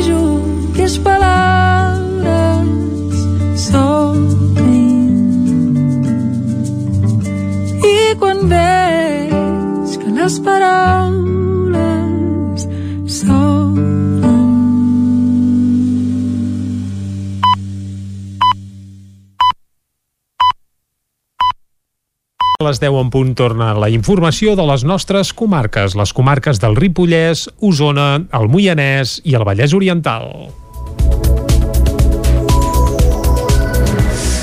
Amb les eleccions catalanes convocades de moment pel 14 de febrer i a l'espera de la decisió definitiva sobre l'ajornament electoral per part del Tribunal Superior de Justícia de Catalunya, s'ha posat en marxa ja l'engranatge per si els comicis són d'aquí a menys de tres setmanes. En plena tercera onada de la pandèmia, els ajuntaments prioritzen ara pavellons i espais, i espais polivalents com espais de votació. Espais molt amplis, circuits diferenciats d'entrada i sortida i capacitat de ventilar són els tres grans preceptes que indiquen el protocol de la Generalitat de cara a les eleccions al Parlament convocades de moment pel 14 de febrer. Així es vol garantir que els col·legis electorals seran un espai segur en plena pandèmia de Covid-19. A Vic no s'utilitzaran tres dels locals habituals, el Palau Bujons, el Casal Guiteres i l'Escola Estel, que se substituiran per l'Escola Escorial i la Sala Joaquim Maideu de l'Atlàntida. A Torelló, tots els electors hauran d'anar a un espai diferent al que era habitual. Els que voten a l'Escola Fortià Solà ho faran al pavelló municipal o a la Sala Polivalent i els que acudien a l'Escola Vall del Gès, a l'Institut Escola Marta Mata o al pavelló de l'Institut Sirvianum. Manlleu mantindrà els col·legis electorals, però amb modificacions internes. Els sortejos de les meses ja s'han realitzat. Al Brull, els tres membres designats són col·lectiu de risc. Ferran Teixidor és el seu alcalde. Tots tenen més de 60 anys, algun farà 65 el dia 19 de febrer. Uh, dels altres, un està malta de Covid, un altre està de baixa, vull dir que un desastre. Pel politòleg Guillem López Bonafont, mantenir les eleccions el 14 de febrer pot tenir conseqüències negatives a nivell institucional. Qui votarà en un context de baixa participació? Aquells que, que tinguin més motius, eh? sobretot eh, per anar a votar. Amb força a Vox, que li donarà ales, que dificultarà, que fragmentarà inclús més el Parlament, més del que ja ho està ara, i amb un, un Parlament fragmentat, baixa governabilitat. El Tribunal Superior de Justícia de Catalunya ha acceptat cautelarment els recursos contra l'ajornament de les eleccions argumentant principalment que l'actual estat d'alarma no preveu que es puguin posposar. La decisió definitiva hauria d'arribar abans del 8 de febrer, però la campanya electoral ja començarà la nit de dijous a divendres d'aquesta setmana. Laia Martínez agafa el relleu a Núria Pérez com a alcaldessa de Pardines després de la seva renúncia per motius personals i professionals. Isaac Muntades, des de la veu de Sant Joan. Després de 5 anys i gairebé 8 mesos al càrrec, la fins ara alcaldessa de Pardines, Núria Pérez va decidir renunciar a l'alcaldia per motius personals i professionals i va cedir el relleu a Laia Martínez en un ple extraordinari i urgent celebrat el passat dimecres. Martínez, de només 25 anys, es va convertir en l'alcaldessa més jove de tot Catalunya i va rebre la vara d'alcaldessa de mans de la seva predecessora, que mantindrà la seva acte com a regidora al consistori. Fins al relleu, la nova batllessa era regidora d'Educació, Festes, Cultura i primera tinent d'alcaldessa des de l'any 2019 i actualment treballa de mestra d'educació infantil a una escola del Ripollès. Ripollès. Martínez va ser escollida pel càrrec amb els 5 vots dels regidors del grup d'independents per Pardines Acord Municipal, una llista associada a Esquerra Republicana, que és l'única que té presència al consistori pertinent. La resta de regidors de l'Ajuntament són Marta Desel, Jaume Morera i Jordi Ubach. Pérez va aconseguir l'alcaldia l'any 2015 i en aquest segon mandat encetat el 2019 fins i tot va ser consellera comarcal i el seu nom va sonar per ocupar la presidència quan encara no s'havia produït el pacte a tres bandes entre Junts per Catalunya, el PSC i més. Al final va abandonar el càrrec a l'ens comarcal i va ser substituïda per Chantal Pérez. En una carta dirigida als veïns de Pardines, Pérez deia que havia estat un autèntic honor servir al poble que l'havia vist néixer i créixer, però que des de fa uns mesos la seva situació personal i professional l'ha portat a prendre aquesta decisió. De fet, Pérez deia que el fet de no viure al poble li provocava un neguit per la falta d'immediatesa en determinades situacions i que la manca de temps l'ha portat a destinar temps en horaris intempestius, un fet que ha anat en detriment de la seva salut i estat emocional. Amb tot, Pérez continuarà sent regidora de la corporació i, per tant, encara no s'acomiadarà de l'Ajuntament. El relleu a l'alcaldia de Pardines és el segon que es produeix al Ripollès en aquest mandat, ja que el mes de maig Pere Carreras va convertir en el nou batlle de Campelles per la defunció de Joan d'Ordes. Al Brull, els Mossos d'Esquadra controlaven aquest cap de setmana l'accés de vehicles al Parc Natural del Montseny. L'increment de trànsit i de visitants al parc de les darreres setmanes, tot i el confinament municipal, van incentivar que se'n controlés aquest punt d'entrada. Molts van haver de girar cua amb una, amb una denúncia per incompliment del confinament municipal. L'augment de visitants al Montseny en vehicle, tot i el confinament municipal, ha incentivat que aquest cap de setmana s'intensifiquessin els controls policials. Els Mossos d'Esquadra van controlar l'accés del Brull, el punt d'accés més concorregut d'Osona. Amb el bon temps de diumenge, el degoteig de vehicles era constant. Abans de les 11 del matí ja s'havien interposat 15 denúncies per l'incompliment del confinament municipal, mentre que dissabte en van interposar 3. Ferran Teixidor és l'alcalde del Brull hem de fer perquè no podent-hi venir continua havent-hi molt, molt trànsit. S'entén que la gent necessita naturalesa, necessita muntanya, se'n pot entendre tot, però no podem sortir del municipi, només al municipi veí, fent esport, i costa molt. Des del consistori demanen a la Diputació de Barcelona que es creï un pla de mobilitat consensuat que permeti tenir un control de l'aparcament i recuperar la figura dels informadors. Hem fet dues reunions amb el diputat Pere Pons i amb el diputat Tarín, amb els, els seus equips, i jo crec que han estat eh, molt en positiu, perquè hem quedat una mica de fer una valoració o un pla de mobilitat una mica consensuat amb el territori. Apostem, com es havia fet fa anys enrere, de tenir els informadors a peu de carretera. Això serà viable quan tinguem les places d'aparcament senyalitzades i sapiguem quants cotxes hi queben. Per tant, l'informador, una persona amb un contracte d'obra i servei podrà dir escolta, ja no pots aparcar, hauries de girar, hauries anat a l'altre punt del Montseny, a Santa Fe, per exemple, que hi queben cotxes, o a Campins.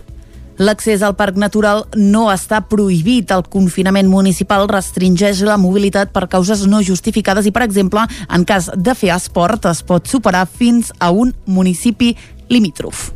L'espai natural de les l'espai natural, volem dir, de les Guilleries Sabassona ha completat la retirada dels troncs i restes de vegetació procedents encara del temporal Glòria del 2020, que amb el temps s'havien acumulat a les vores de l'espai del Pantà de Sau. La resta recollida s'han estallat i convertit en 50 tones de biomassa que s'han venut a la planta de biomassa de Sant Pere de Torelló. Una retroexcavadora i un camió forestal van extreure les restes vegetals de la zona i les van apilar en un punt accessible per estallar-les i convertir-les en biomassa. L'empresa de gestió forestal sostenible SL és qui ha fet els treballs que han costat 2.100 euros. Amb la venda de la biomassa s'han obtingut 950 euros. Arran del temporal Glòria del gener del 2020, una gran quantitat de material flotant es va acumular en 80 hectàrees de l'embassament de Sau. Una gran part d'aquestes eh, rastres van ser retirades per l'Agència Catalana de l'Aigua, la qual va invertir 375.000 euros en el projecte. Caldes de Montbui acollirà la pròxima assemblea de l'Associació Europea de Ciutats Termals Històriques. Caral Campàs, des d'Ona Codinenca. L'Associació Europea de Ciutats Termals Històriques ha aprovat la candidatura de Caldes com a seu de la propera assemblea de l'entitat, que serà al maig de 2022. En la propera cita de l'associació prevista pel 13 de maig a Sao Pedro do Sul, Portugal es ratificarà la proposta calderina perquè el municipi esdevingui seu termal de l'esdeveniment. Caldes de Montbui és membre d'aquesta associació des de l'octubre de 2018. Actualment la presidència se situa a Orense i aplega a unes 51 ciutats termals de 18 països d'Europa, entre les quals hi ha França, Alemanya, Itàlia o Espanya, entre d'altres. Aquesta associació sense ànim de lucre estudia i promou el termalisme europeu des de diferents àmbits. L'organisme plega diferents projectes. Alguns dels més destacats són el d'atorgar les certificacions de ruta cultural europea validades pel Consell d'Europa o el que certifica les 400 viles termals més importants d'Europa amb l'objectiu d'estudiar i classificar el patrimoni termal a Europa. També es dedica a establir línies de col·laboració amb altres associacions, així com promoure paquets turístics de les viles termals adherides. Ushu Esouto de Cardedeu es converteix en la guanyadora de la primera edició d'Operació Paqui, el talent show musical que Ràdio Televisió Cardedeu ha dut a terme juntament amb el casal de joves La Paqui. David Auladell, de Ràdio Televisió Cardedeu. Dissabte va tenir lloc la gala final on els cinc finalistes havien de cantar una vegada i passar una segona ronda amb els vots del públic si volien optar al premi. Els classificats van ser en Joan Lianyo, la Clara Cervera i l'Uxue Soto. L'Ares Elias de Vallgorguina va quedar en cinquè lloc i l'Ona Casacoberta de Cardedeu en quart. I amb un 38,85% dels vots, l'Uxue va guanyar el concurs i, per tant, actuarà a l'escenari del Polvorí a la Festa Major d'enguany i gravarà una maqueta a Wasabi Studios. L'Uxue es va presentar als càstings amb dues cançons pròpies i damunt de l'escenari d'Operació Paqui l'hem vist cantar Rana Teldat, Somebody's Els Guys, vestida de nit, Prod Mary acompanyada de Joan Lianyo, Got a Tell That i Man in the Mirror. Clara Cervera de Barcelona va quedar segona i Joan Lianyo de Granollers tercer. Durant la gala també es van desvetllar algunes sorpreses, com que tots els concursants faran un concert al Teatre Auditori de Cardedeu el 3 de juliol, data que donarà també el tret de sortida dels càstings de la segona edició del programa. A més, totes les gales d'aquesta primera edició es podran veure durant el mes de febrer a les televisions locals de Catalunya gràcies a la xarxa. Doncs totes les gales d'Operació Paqui que es podran veure no només a Ràdio i Televisió Cardedeu, sinó també a la resta del territori 17 gràcies a les emissions que en farà la xarxa de televisions locals. Per tant, per exemple, el Nou TV també es podran veure. Fet aquest apunt, fins aquí el butlletí informatiu de les 10 del matí, que us hem ofert, com sempre, amb les veus de Clàudia Dinarès, David Auladell, Caral Campàs i Isaac Muntades. Ara el, el que toca, quan són això, les 10 i 10 del matí, és fer una ullada de nou a la situació meteorològica. A primera hora el Pep Acosta ja ens ha alertat que avui encara és un dia d'hivern, però que a partir de demà, si més no pel que fa a temperatures, sembla que s'acosta la primavera. El sentim de seguida.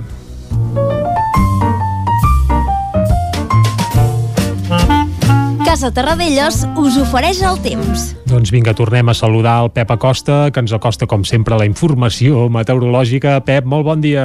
Hola, molt bon dia. Bon dia. Ahir va passar un petit front, molt poca cosa, eh, es va tapar, va tapar el cel, quatre gotes al Pirineu, però bueno, molt, molt trist el seu pas, molt poques incidències. Eh, això ja és història, i aquesta nit ha fet una mica més de fred. Uh, temperatures de 4-5 graus negatives a les zones més altes del Pirineu, del nostre Pirineu, de l'Oriental, uh, per sobre dels 5 graus a l'interior i ja per sobre dels 5 graus al peritoral. I això no és res. Aquestes temperatures uh, no són de ple hivern, són una mica més altes del normal, però el que ve uh, són les temperatures uh, molt més altes del que seria normal. Avui encara no. Avui serà, entre cometes, podríem dir, l'últim dia d'hivern d'aquesta setmana. Les temperatures màximes baixaran, no superarem els 15 graus a cap població, la majoria quedarà entre els 8 i els 13. Sol i núvols, no plourà en lloc, i eh, tenim una situació, eh, un anticicló de sud que mica en mica va pujant de l'altitud i ens va portant vents de sud. Avui encara no entraran gaire, però a partir de demà començaran a entrar aquests vents de sud i seran responsables de la pujada notable de les temperatures que es produirà ja a partir de demà. Seran unes temperatures bastant més altes del que és habitual. Però avui encara no, eh? Avui, com deia, entre cometes, últim dia d'hivern d'aquesta setmana, eh, temperatures una mica més altes del normal, sol i núvols i un dia en general bastant, bastant tranquil. Eh? La situació és bastant tranquil·la aquesta setmana no tindrem, sembla, cap dia de pluja mm, molt, molt, molt estancament pel que fa al temps. Demà parlarem d'això, eh, d'aquesta pujada de temperatures que ja tenim aquí a tocar. Moltes gràcies, adeu. Doncs vinga, Pep, moltes gràcies a tu i estarem al cas d'aquesta pujada de temperatures que la Clàudia segur que celebra, ja ens ho deia bé abans. Per tant, s'acosta la primavera, si més no, durant un parell o tres de dies. Fet aquest apunt meteorològic, ara fem una pausa i de seguida a l'entrevista, avui per parlar del tast, del tast autors de Cardedeu. Fins ara. Casa Tarradellas us ha ofert aquest espai. Territori 17. Envia'ns les teves notes de veu per WhatsApp al 646 079 023. 646 079 023. WhatsApp Territori 17.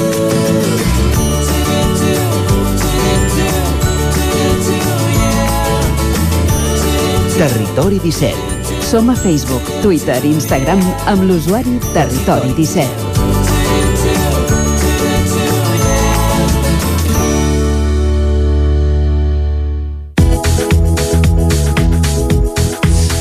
Un minut i serà un quart d'onze del matí. Dissabte passat va començar el 17è cicle de música de quilòmetre zero de Cardedeu, el Tastautors, que de moment resisteix a la Covid-19. Aquest Tastautors no podia començar millor que amb el concert de Marala, segurament un dels grups revelació de la temporada passada, que a Cardedeu van presentar el seu primer disc, a Trenc d'Alba. Per conèixer més detalls, anem ara cap a Ràdio Cardedeu amb l'Òscar Muñoz. Volem dir, Òscar, molt bon dia. Bon dia, Jordi. Vas anar-hi a doncs... aquest concert o què? Òscar. Eh, no, però o sigui, jo volia anar, eh? però el que passa és que estàvem enfeinats amb Operació Paqui eh, i no vaig poder anar. Molt bé, molt bé. doncs sí. Avui parlem per telèfon amb la Marta Cordomí, membre de l'Associació de Cultural Les Callot, que organitza el Tastautors. Bon dia, Marta. Bon dia. Com estan en aquesta 17a edició del Tastautors, que es diu ràpid? No sé si Marala va exaurir les entrades, però pel concert de Lluís Gavaldà i, i en Joan Pau Chávez està tot esgotat, no? Sí, sí, sí, està agota, esgotades les entrades per uh, aquest dissabte, que és això que dius en Lluís Gavaldà i en Joan Pau Chávez, uh, i també per al dia 6, que hi ha en Pau Vallvé i en Jordi Serradell. El que passa és que és possible que aflorin algunes entrades lliures perquè hi ha gent que no és de Cardedeu però va comprar entrada en el seu moment pensant que podria venir però com que persisteix el confinament municipal doncs és possible que hi hagin devolucions i per tant aflorin entrades lliures. Uh, com trampegeu les restriccions arran de, de la pandèmia? És a dir, no sé si heu canviat horaris respecte a la previsió que teníeu inicialment. També, bé, evidentment són concerts sense barra, amb limitacions d'aforament. Com us heu hagut d'adaptar? Sí, a veure, uh, des de fa uns anys ja fem tot el tast d'autors el fem uh, dins del Teatre Auditori Cardedeu. El que passa que sí que és cert que ho fem en un altre format habitualment, que és l'històric de tots els anys. El que hem fet és una distribució del públic no amb grada pròpia d'un teatre, sinó amb algunes taules i cadires eh, amb l'objectiu doncs, de poder prendre alguna cosa. L'estil una mica que recorda els clubs de jazz, no? Allò, uh, unes tauletes per poder fer una copa, alguna espalmeta, un, una llum uh, de la platea doncs, també prou tènua, com per fer un ambient prou agradable i proper. Clar, uh, en aquest cas, uh, aquest any, doncs, per primer cop, hem prescindit del servei de barra, amb el qual podíem uh, degustar cervesa artesana feta aquí, la de Sant Jordi de Cardedeu, uh -huh. o, o ratafia o altres begudes de la terra, mentre degustàvem també d'alguna manera la, la música, no? Doncs clar, no, no hi ha servei de barra perquè l'objectiu és que no es destapin eh, les, Les mascaretes, durant correcte. tot l'espectacle i alhora també doncs, hem, hem, ens hem després del format aquest en què el públic estava amb tauletes i cadires i, i, i així i eh, com que l'aforament ha de ser del 50% com a molt i a més a més hem d'assegurar unes distàncies hem, eh, hem optat per, per la distribució amb la grada el teatre Cardedeu la grada és, és uh, retràctil, diguéssim, i, i per tant es pot posar o es pot treure. Normalment nosaltres ho fem sense grada, així més diàfan, però aquest any per primer cop uh, doncs, ho fem amb, amb grada i per tant la gent té un seient assignat amb unes distàncies respecte de gent amb qui no ha vingut eh, etc. I per tant sí que hi ha aquesta adaptació. I també, com deies, hi ha l'adaptació en l'horari, eh? Normalment Mhm, correcte. començàvem a quarts de 10 eh, i ara acabem a quarts de 10. perquè Clar, és que a les 10 comencem comença el toc de queda i sí, sí, faríem Clar. salat, eh? La setmana passada vam, vam acabar més d'hora perquè només hi havia un concert uh, i aquestes setmanes que venen, com que hi ha un taloner i després hi ha un concert, acabarem un punt més tard, però, però sempre a les 9, quarts de 10, mm, com a molt. Clar. Doncs abans parlàvem de, de Marala i parla'ns una miqueta d'aquest grup. Aquí al territori tenim algun fan d'elles i per què no podria fallar en aquesta edició del Tastautors?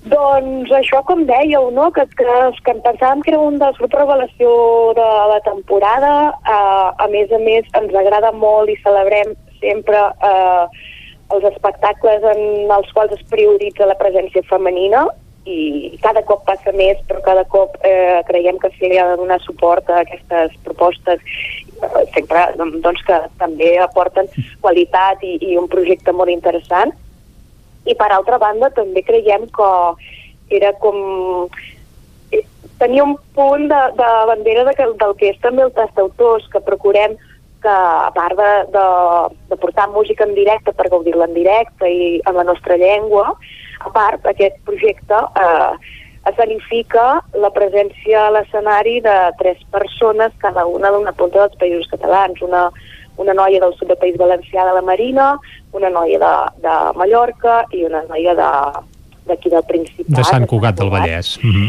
Exacte.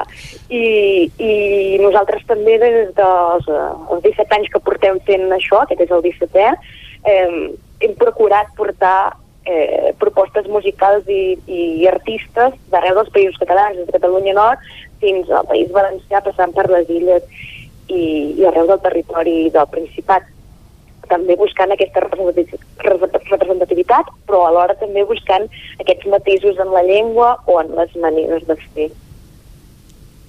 Mhm.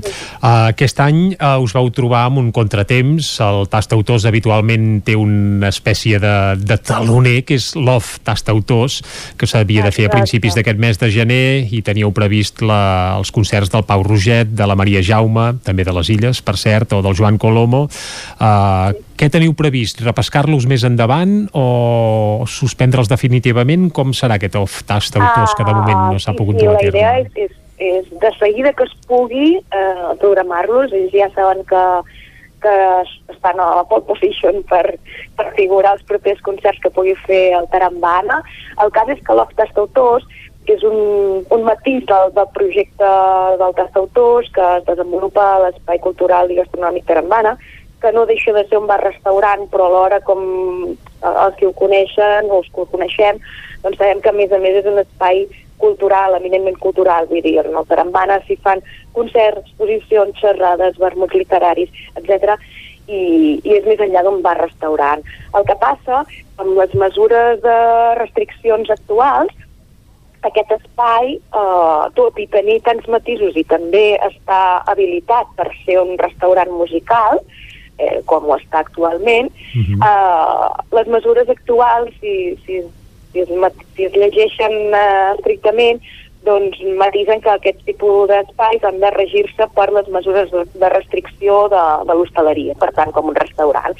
Què vol dir? Que els, els concerts que nosaltres plantejàvem Mm, òbviament no podien ser en barra tampoc, eh? vull dir, no podia haver servei de barra per allò de no destapar-se, les mascaretes, però a més a més eh, tampoc podien ser en un horari que no fos el pròpiament d'obertura del restaurant, que com sabeu... Podríeu fer un vermut, horari vermut al migdia, en tot cas. Exacte, Mhm. sí, a la, però alhora, com que és tan restringit que és ben bé d'una, quarts de quatre, que es pot obrir el restaurant i fer servei, poder fer aquest, a- aquest concert entremig també d'alguna manera mm, bueno, era contradictori amb no poder servir i amb no poder servir dinar, segurament que quan ara justament els restaurants van una mica escanyats en aquest sentit. Per tant, al no poder-se desenvolupar aquesta activitat, el que es va dir és directament Mhm. eh, ajornar-ho per de seguida que es pugui poder-ho agendar, sempre i quan clar, els artistes doncs, tinguin disponibilitat. Eh? Mm -hmm. Per Sí, tant, eh, el que- sempre, bueno, aquests dies ho hem estat dient, no? que estiguem atents a les xarxes per veure quan podrem gaudir d'això de Maria Jaume, del Pau Roget, que és d'aquí de Cardedeu, i del Joan Colomo, que és de Sant Celoni. El que sí que es farà, com comentàvem, és el concert del Lluís Gavaldà i amb Joan Pau Chávez, amb la Laia Llach de Talonera. Què ens pots explicar aquests Sí. artistes que no sapiguem encara, però la Laia Llach, eh, artista aquí de, de casa costat Vallesana, Sí. A veure, Laia Llach, també... Té, té un cognom molt musical, per cert, la Laia, eh? però no deu tenir cap parentiu eh, amb el cantautor. Uh, no, No, no eh? ho sabem, però pot ser que no. Bueno, és un, el mateix cognom, oi? Però això ens ho haurà d'explicar de tota manera. Um, la Laia fa un temps cap aquí que l'estem l'hem pogut gaudir, descobrir a, a Cardedeu i Rodalies. Eh, la Laia és d'aquí del Vallès Oriental de, de la Roca, crec, però sovinteja molt Cardedeu i té amistats i, i, i ha fet diversos concerts per aquí i, i és molt jove i ve acompanyada del Cesc Martorell, que també és d'aquí de Cardedeu. Els dos estan inclosos en el Cens Cultural de Cardedeu, que és aqu- aquest cens on es recullen els professionals de cultura. Uh, I ens fa molta il·lusió perquè a part de ser molt jove, dona i té una veu increïble, ens fa il·lusió poder gaudir-la a l'escenari gros de Cardedeu, que és el del teatre. I just abans de Lluís Gavaldà, Lluís Gavaldà, líder dels Pets, acompanyat de, del, Del Joan Pau Chávez, teclista també dels directes dels Pets. Uh -huh. Exacte, un du el teclat. Doncs eh, amb aquest format reduït dels pets, d'alguna manera, no?, eh, gaudirem d'això, de, de cançons d'aquest eh, grup eh, mític de l'escena catalana, amb un format reduït, un punt acústic, eh, i alhora també el públic tindrà l'ocasió de poder anotar una proposta d'una cançó que vulguem que, que toquin en directe aquella nit. Per tant, hi haurà aquest punt de, no sé si dir-ho democràtic o contributiu per decidir exactament quin repertori. Vaja, repertori a la Eh, carta, poder- vaja. Exacte, després per no que voldran potser, però la idea és aquesta, aquesta dinàmica, sí. Uh, per cert, abans dels concerts uh, hi ha una mica de tertúlia sempre, eh? Sí, és, a veure, des de fa uns anys també ho hem volgut aprofitar, que és aquest, i si parlem de música amb, i o intentem doncs, fer aquesta tertúlia amb l'artista principal d'aquella nit, o amb els dos artistes, taloner i artista principal, no? I, i està molt bé perquè creiem que, que arrodoneix l'experiència d'aquella nit. Uh, aquest dissabte passat vam poder gaudir en directe del concert de Marala uh, a les 7 del vespre, però a les 5, al mateix vestíbul del teatre, vam descobrir una miqueta també les seves motivacions, d'on venen, on van, què pretenen, eh, les pors, inquietuds que poden tenir com a artistes, el seu procés creatiu, no? I d'alguna manera descobreixes persones darrere d'aquests projectes artístics uh, i, es, i estableix com una mena de, de proximitat estranya o un clima diferent també a l'hora de d'entendre el concert i creiem que és molt interessant a part aquestes tertúlies són conduïdes per en Joan Gené Mhm. uh, però que d'alguna manera extreu les primeres preguntes no? per començar a obrir una miqueta la tertúlia, però el públic eh, reduït, perquè com a molt hi poden assistir a dia d'avui 20 persones en directe, allà presencial, eh, també pot interpel·lar les artistes i preguntar-los alguna cosa. Que això, Um, que això sempre s'agraeix. Uh, Marta Cordomí, ho hem, ho hem de deixar aquí. En tot cas, Sí, i tant. dissabte, recordem-ho, a partir de les 7 de la tarda, Lluís Gavaldà, Joan Pau Sàvies, també la Laia Llach, seran al Tastautors de Cardedeu i la setmana vinent el Pau Vallvé i el Jordi Serradell. Que vagi molt bé el cicle, moltes gràcies i ara fem una Moltes pausa aquí a Territori 17. El nou FM, la ràdio de casa, al 92.8. Només pensar en passar aquesta nit sense calefacció amb aquest fred? No es preocupi, hem analitzat a fons la caldera i de seguida quedarà reparada i en funcionament. Quan tingui un problema amb la seva caldera, vagi directament a la solució. Truqui sempre al servei tècnic oficial de Saunier Duval i despreocupis, perquè som fabricants i coneixem les nostres calderes peça a peça. Informis a Oficiat Nord trucant al 938860040. Saunier Duval, sempre al seu costat. Cocodril Club. Si t'agrada la bona música dels anys 60, 70 i 80, escolta el 9 FM als matins de dissabtes i diumenges d'11 a 1. És el temps del Cocodril Club, tot un clàssic de la ràdio, amb les bases del pop-rock, les llegendes, les cançons que s'han convertit en autèntics himnes. Recorda, dissabtes i diumenges al matí, d'11 a 1, al 9 FM 92.8. Cocodril Club, el programa revival de l'Albert Malla.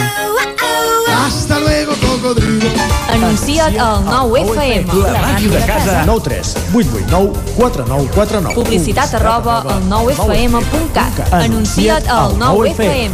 La publicitat més eficaç. Hi ha una màgia que no té truc. És la màgia de compartir una estona amb algú i parlar-hi.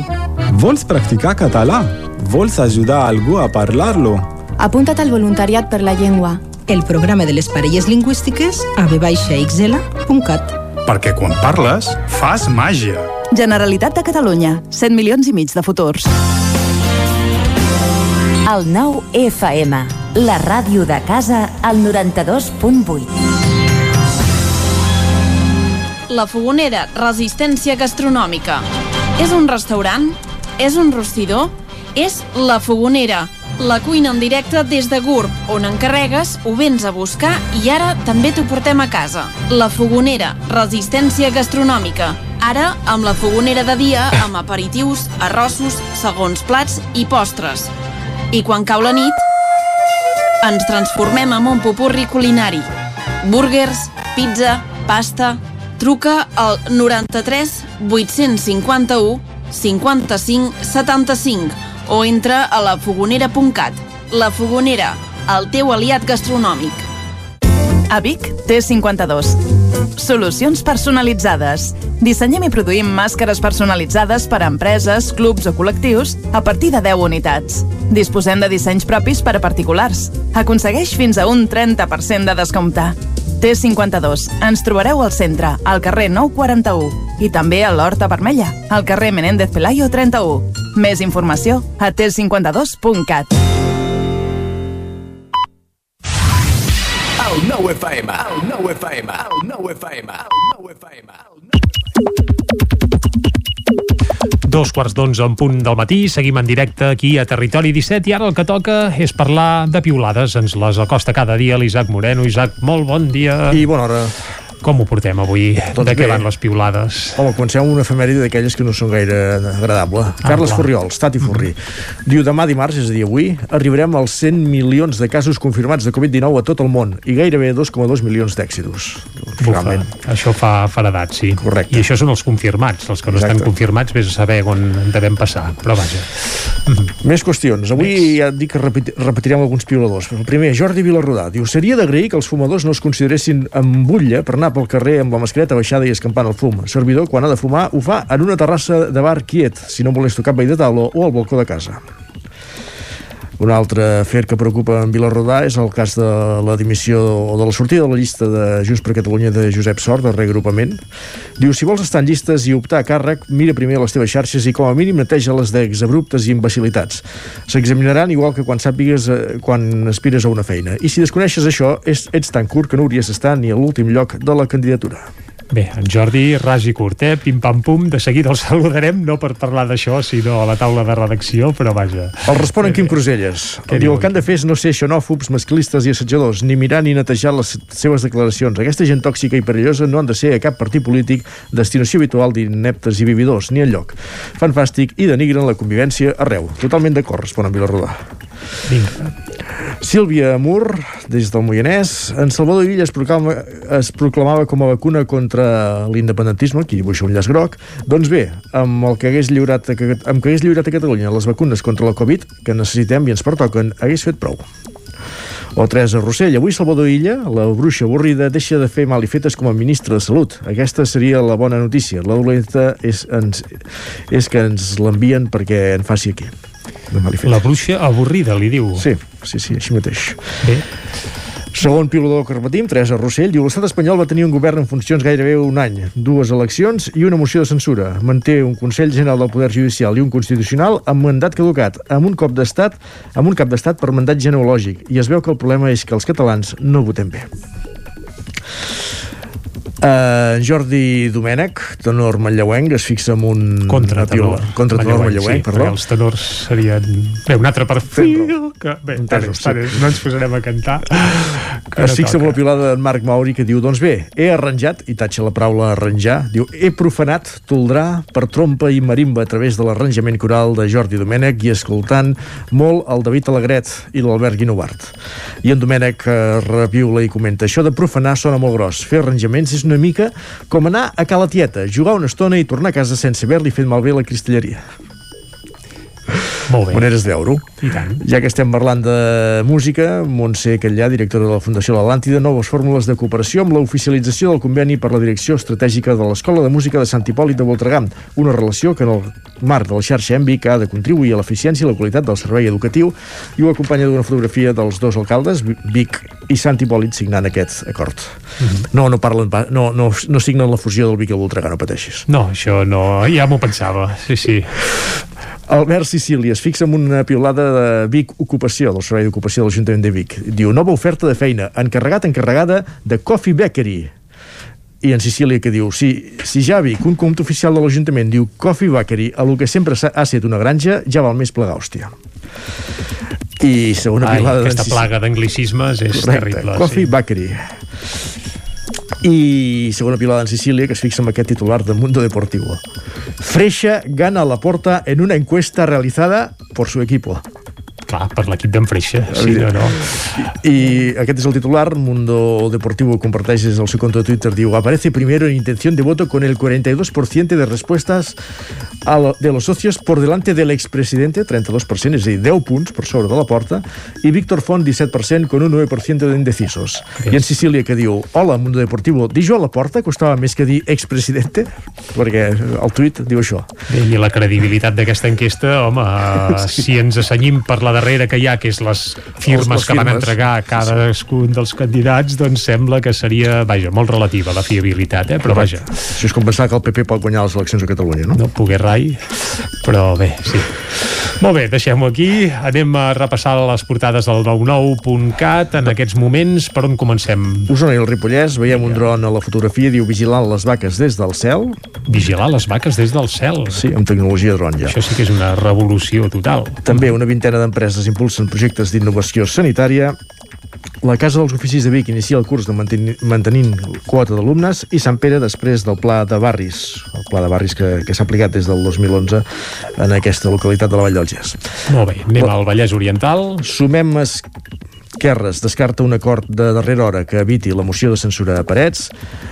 També podem llegir-hi denuncien 10 persones bevent, fumant i sense mascareta en un bar de Sant Celoni i el nou Ateneu Popular, la Malgirbada de Granollers, obrirà la primavera. Doncs, Isaac, moltes gràcies Vinga, per acostar-nos a aquestes piulades. Ara anirem cap a la taula de redacció.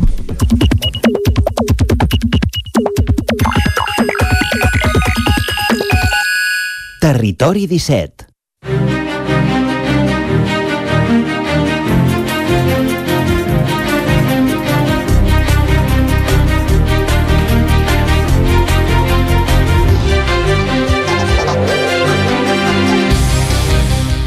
I quan passa mig quart de dos quarts de...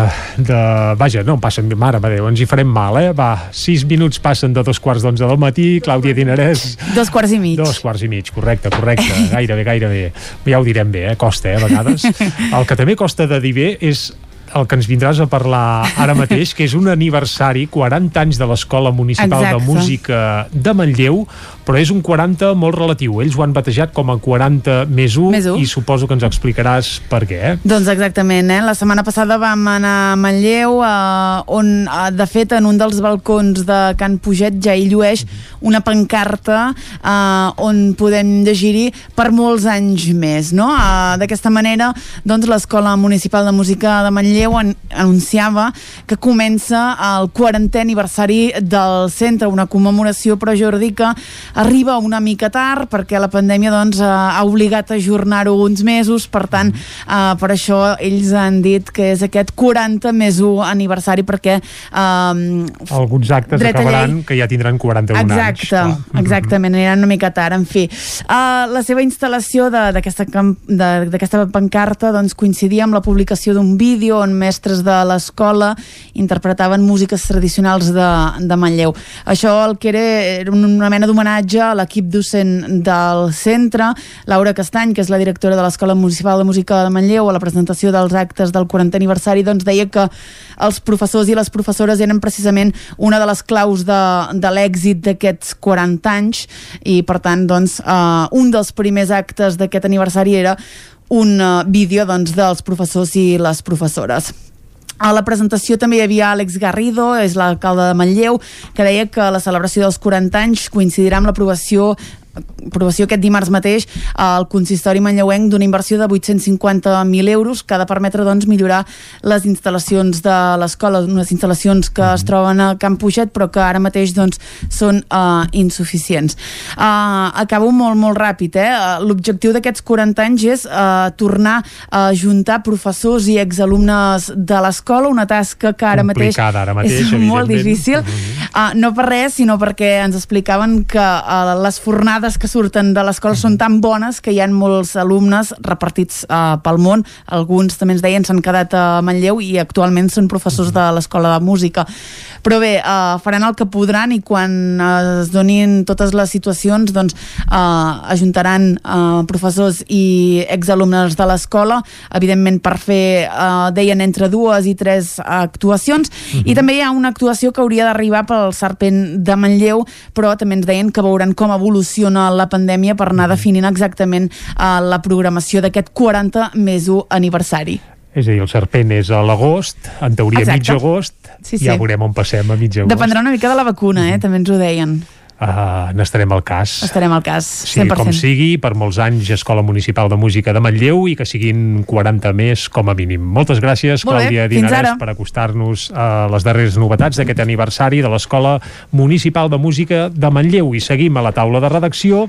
Ara saludarem en Jordi Vilarrodà, que ja el tenim aquí a l'estudi també, i amb en Jordi parlarem del Festival BBVA de Cinema de Muntanya de Torelló, un festival que es va ajornar perquè es havia d'haver fet a la tardor eh, i s'està fent ara mateix i en teoria ha arrencat, eh, combinant el format presencial amb el format eh, telemàtic. Jordi, bon Efecti dia. Efectivament, bon dia. El festival s'havia d'haver fet al novembre, com és habitual sempre, la tercera setmana de novembre aproximadament, i s'ha es va haver d'ajornar. En aquell moment vam, estàvem en, en una situació doncs, encara més restrictiva pel que fa a actes culturals i que ara i ara doncs, es fa en aquest format eh, que, a veure, eh, es diu format híbrid, ja ho, ho és una mica, però eh, més cap a, decanta més cap a la banda telemàtica que cap a la banda mm, real, Presencial. presencial, diguem, Mhm. perquè el que és essencial en el festival, que és totes, són totes les projeccions de pel·lícules, Mhm. s'estan fent només, només a través d'una plataforma que va crear el mateix festival,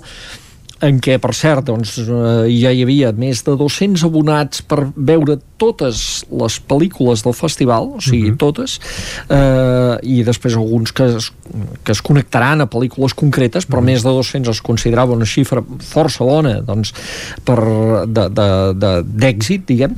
Eh, i, aquí és on té lloc el festival pròpiament dit. El que eh, s'ha fet presencialment eh, és l'acte d'obertura, eh, es farà l'acte de Cluenda aquest divendres, mm. divendres passat va haver-hi el d'obertura, aquest divendres hi haurà el de Cluenda, i entremig, eh, per exemple, dissabte hi havia el tast de vins de muntanya, el Mountain Wines, eh, que, que ja es va començar l'any passat i s'ha tornat a fer aquest any amb dues sessions amb l'Anola Clavert Costa, per Clar, cert, del fer- celler Batllac de Torelló. Evidentment, fer un tast de vins eh, telemàtic Sí, no, sí. no pot això no podia Això ser. Es va fer el Sirviarum també, a més a més, perquè la gent estigués asseguda, ningú es mogués, etc. O sigui, la gent se li servia el vi a la, a la butaca eh, i, i també hi ha tres xerrades aquesta setmana, però bàsicament el que és el festival pròpiament dit està tenint lloc aquests dies eh, al, al, a les xarxes i la, la gent que s'hi hagi abonat fins al dia 31 té accés a, a totes les pel·lícules, després ja no, o sigui, després aquestes pel·lícules doncs eh, ja, ja no estaran accessibles, només és en aquests dies les 36 que opten, això sí que serà igual que sempre, doncs els premis, la flor de neu, etc etc, tots els, el ventall de premis del festival. Eh, hem de dir que la inauguració va ser un acte, aquest sí, presencial i amb força gent, a més a més, al Sirvianum, eh, parlant del Tibet. Cada any hi ha un, eh, un país territori, convidat, diguem Un país convidat. Sí. Va, o una regió, diguem, o un país que sigui eh, significatiu per les seves muntanyes, però que eh, de la qual, a més a més, es parla de la seva cultura, d'altres coses. Per exemple, exemple, fa, o, fa dos anys això va ser Alaska, l'any passat va ser la Patagònia, l'Argentina, la part austral, i, i, i ara ha estat el, el Tibet, que, mm, com tothom sap, doncs és eh, un país ocupat per la Xina des de l'any 1950 i eh, eh, per tant eh, es parla no només de muntanyes perquè és el país de, de, de, de l'Himalaya eh, també, però eh, també de la situació política o sigui, a la sessió aquesta doncs hi va haver per exemple, eh, hi, hi va haver doncs, en Josep Lluís Alai, que és historiador, que ara potser ens sona més perquè és aquell senyor que acompanya en Puigdemont. Sí, sí amic d'en Puigdemont. Amic, amic d'en Puigdemont. Sí, sí, sí, Però ell, a més a més, és l'especialista número 1 en el Tibet a Catalunya. Carai, eh, és, això no ho sabíem. Eh, és, eh, o sigui, té diversos llibres publicats i ha estat moltes vegades, per cert, diu que cada vegada és més difícil anar-hi, amb les restriccions al govern xinès, eh, i, a més a més, va, va posar de relleu eh, que el primer, eh, un dels primers europeus que visita el Tibet al segle XVI i el primer que fa una cartografia, un mapa de l'Himalaya amb 200 topònims del país, etc etc, resulta que és un biguetà. Carai, ostres, Antoni, un biguetà. Antoni de Montserrat, un jesuïta nascut a Vic, eh, uh -huh. que va viure al segle XVI i que va ser el primer eh, que va fer, el primer europeu que va fer una cartografia del Tibet. Això, el primer alpinista europeu i a més a més cartògraf. Diguem que el alpinista bé, clar, no tant. Pujar al cim segurament els pujava perquè ens hem d'enganyar, però bé però si té va un costar. mapa amb 200 topònims eh, allà doncs, ja eh, recollint doncs, la geografia de, de la zona, és clar, és extraordinari i, i resulta que eh, sempre ens acabem trobant algun usonenc o altre, resulta Doncs que era de Vic. de Vic. Eh, Curiós. I, i doncs ell va explicar això doncs, en, aquesta, en aquest acte, hi va haver-hi diferents intervencions eh, i entre elles potser una que va destacar també pel, Mm. Per la singularitat del personatge de, del lama Thupten Wangshen que és el, des de fa anys gairebé és conegut ja una mica a Catalunya, és el director de la Casa del Tibet a, Catal a Barcelona i a més a més doncs, és membre del Parlament tibetà a l'exili eh, un senyor que va vestit de lama mm, o sigui, va vestit, eh? com ens imaginem roja, Dalai- el Dalai Lama eh? correcte, doncs sí, igual, sí. per cert, ell diu que és deixeble de, del Dalai Lama i que eh, eh, sempre riu, i, però eh, tot rient, tot rient, em va deixar anar unes quantes de grosses, eh? sobretot mm. referides al govern de la Xina, que hi va haver algun moment que el va associar doncs, amb, amb el virus, va semblar gairebé que s'acostava al discurs del Donald Trump. Eh? Eh, Carai. o sigui, eh, de fet, una cosa que deia que sí que és veritat és la, la, la poca transparència que hi va haver, eh, sabent que, a més a més, que això sí que és cert, vull dir que l'origen geogràfic del virus es situa a la Xina, A la Xina, i la poca transparència que hi va haver en el, en el, Bé, que hi en va els seus i que hi ha encara, I, que, vaja. I a més a més doncs, eh, sí que també va parlar de la situació d'ocupació que viu el Tibet, eh, d'allò que la Xina pres representa com un progrés d'aquesta regió i que ell en tot cas diu que no és un progrés pels tibetans que hi viuen i que en tot cas eh, això doncs, ha servit només per militaritzar el país per, eh, per, per eh, colonitzar el país, per mm, cada vegada minoritzar més la seva cultura i um, per, què, per què? Doncs perquè també hi ha unes riqueses naturals al Tibet que mm. la Xina eh, explota i explotarà en els propers anys, no? És a dir, que tot rient, tot rient, el lama Thupten Wangshen em va dir unes quantes de gruixudes. eh, I per cert, eh, eh, serà el protagonista d'una de les tres conferències que es fan al Sirviano, acabem amb això, doncs que aquesta setmana hi ha també alguns actes presencials eh, i en concret doncs, eh, una conferència que té lloc avui dimarts eh, que és a càrrec del de l'Enric Soler Raspall, que parla de, del Tibet, eh, també és un escriptor, col·laborador del festival, que parlarà d'una part de la, del Tibet, l'antic regne de Mustang, eh, i després doncs, hi haurà eh, demà una conferència també molt interessant del, del periodista Toni Arbonés. Uh Mhm. -huh. Antoni Arbonés és el dels viatgers de la Gran Anaconda, aquest programa de viatges De extraordinari Ràdio. que té Catalunya Ràdio i que eh, també va ser en l'acte d'inauguració eh, i que parlarà també del Tibet com a coneixedor que n'és d'haver-hi viatjat i la última sessió serà dijous eh, a càrrec del Tuptek Wangchen que Mhm. parlarà de filosofia budista. En aquest cas Ah, sembla que no val. parlarà de virus. Bé. totes les conferències són a dos quarts de vuit del vespre al Sirvianum qui vulgui pot anar allà al Sirvianum mateix qui vulgui les pot seguir en streaming. I divendres... i divendres la Cluenda. Cluenda on del sabrem festival. uh, les Pel·lícules premiades i ja ens imaginem que sense, vaja, que s'entregaran els premis evidentment, però que no hi seran els sí, protagonistes ni els directors són realitzadors mhm. internacionals la immensa majoria i és clar no es podran desplaçar a Torelló per recollir els premis Jordi, moltes gràcies per acostar-nos a totes les darreres novetats del Festival de Cinema de Muntanya de Torelló. Nosaltres tanquem aquí la taula de redacció i anem ara cap al Busca't la vida. Sí.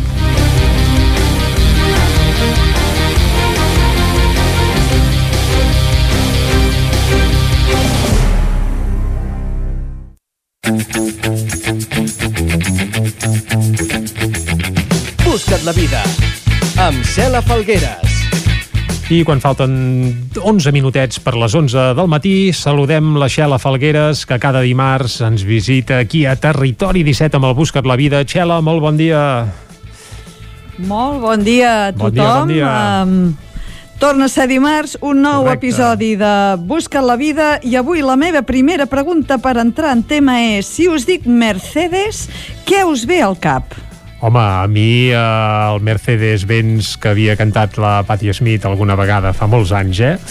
Uh, brillant cançó. Molt bé, doncs no. No, val. Bé, sí no, sí no. Ah. Té a veure amb medi de transport, Mhm. però no. De fet, avui us porto una entrevista fantàstica amb l'Ari Serra i la Marie Dufouleur, en un moment de l'entrevista que he editat perquè, com que la pregravem a vegades ens anem una mica... Me'n vaig, posem-ho tal com cal, a, per les branques. Van fer algunes comparacions amb Globo, el servei aquest que tu encarregues que et portin flors, que et portin menjar i això, i elles ens van dir que les Mercedes no són ben bé un Globo, que són, jo us diria, són molt més i van molt més enllà. Anem a escoltar l'entrevista amb l'Ari i la Marie de Les Mercedes. Anem-hi. Què són les Mercedes? Les Mercedes és un projecte, una cooperativa formada per un grup de cinc dones que ens hem reinventat durant l'etapa del Covid. I abans fèiem tours en bicicleta passejant nens, sobretot americans i francesos, i per la ciutat de Barcelona i que veient doncs, la crisi que ha provocat que òbviament els nens no vindran en un rato, doncs vam decidir en un, en un Zoom per, per fent canyes amb les companyes de l'equip crear un nou projecte o buscar una solució en el moment en el que estàvem, no? que veiem que econòmicament doncs, seria a zero. i teníem un equip humà molt fort i moltes bicicletes sense fer servir. Sí. Ja us coneixíeu, és a dir, treballàveu independentment o ja éreu també una cooperativa que feia tours i ara aquesta co- cooperativa fa uns altres serveis? No, venim d'un model molt més tradicional on, on jo tenia una aquesta empresa de tours amb una sòcia on part de, de la- bueno, l'equip de les Mercedes, diguéssim, treballaven com a col·laboradores amb nosaltres.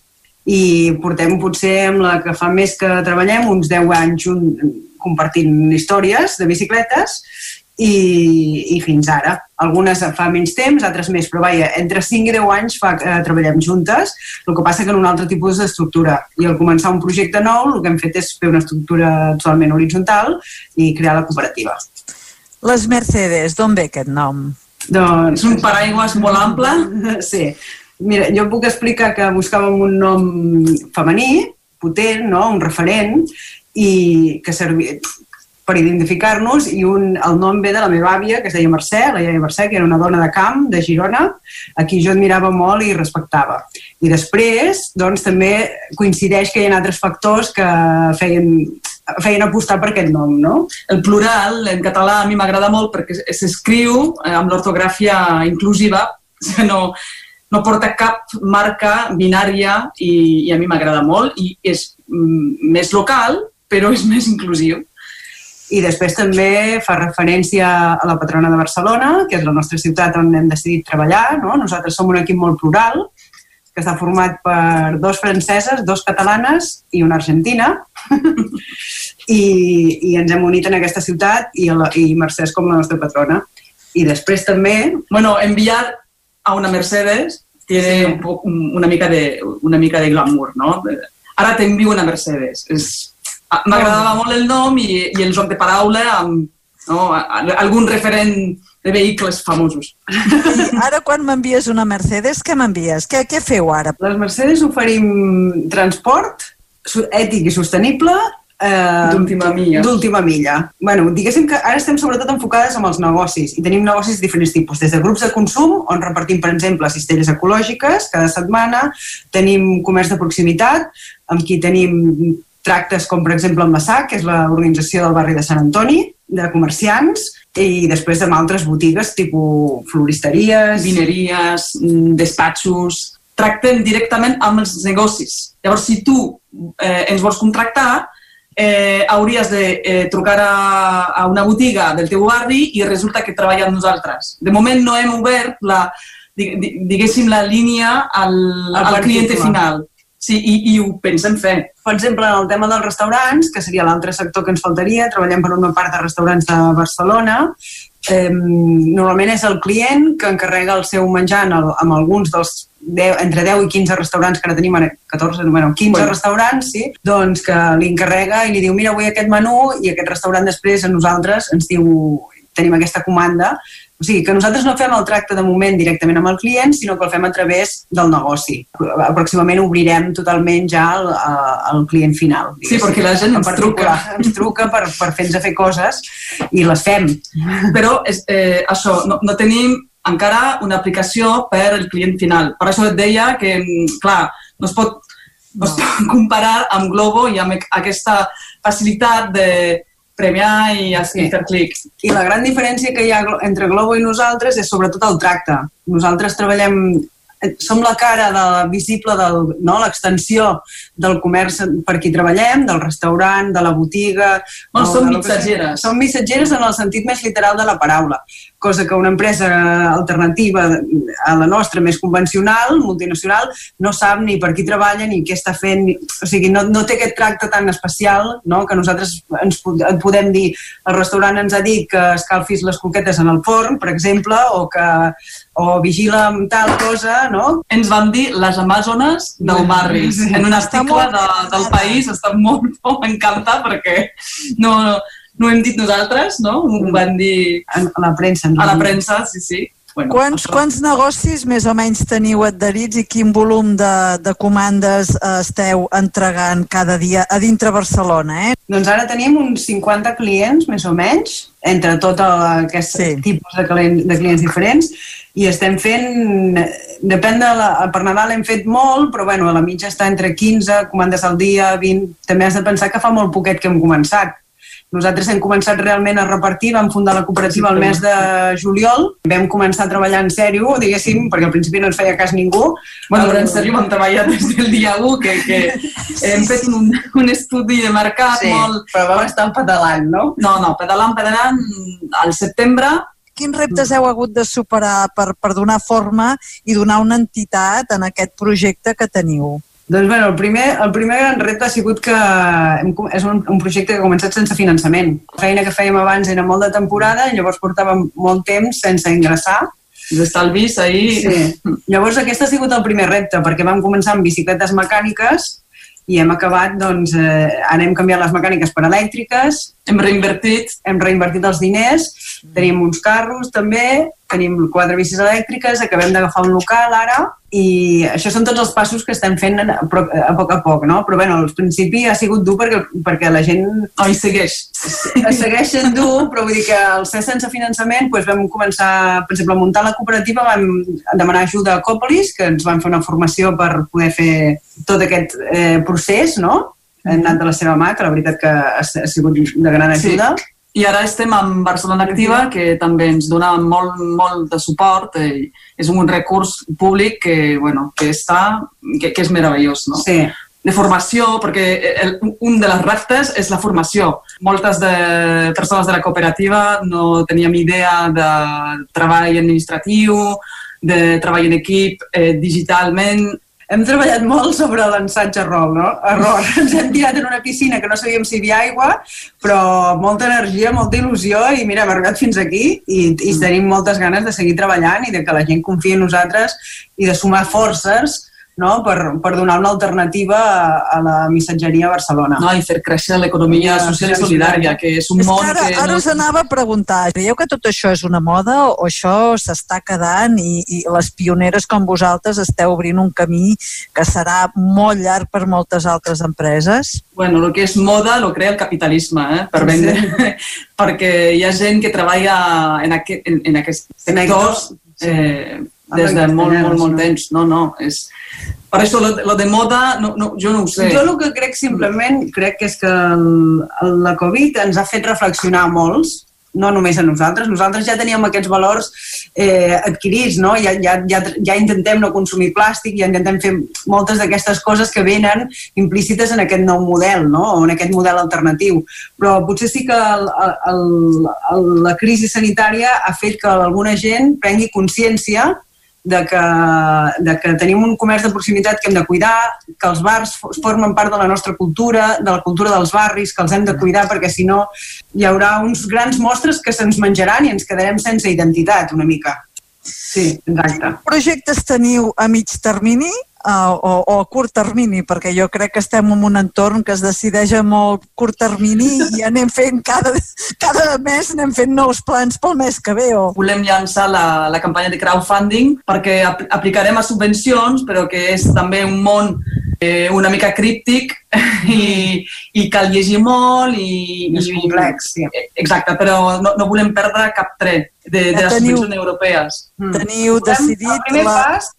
Ai, perdona, perdona. No, no.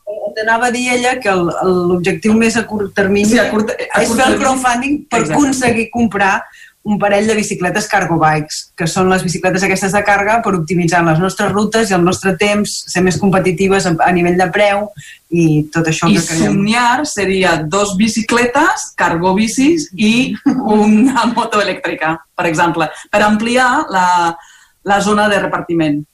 Clar, perquè Barcelona és bastant pla, però segons on s'ha d'anar s'ha de pedalar cap amunt, eh? Home, Déu-n'hi-do.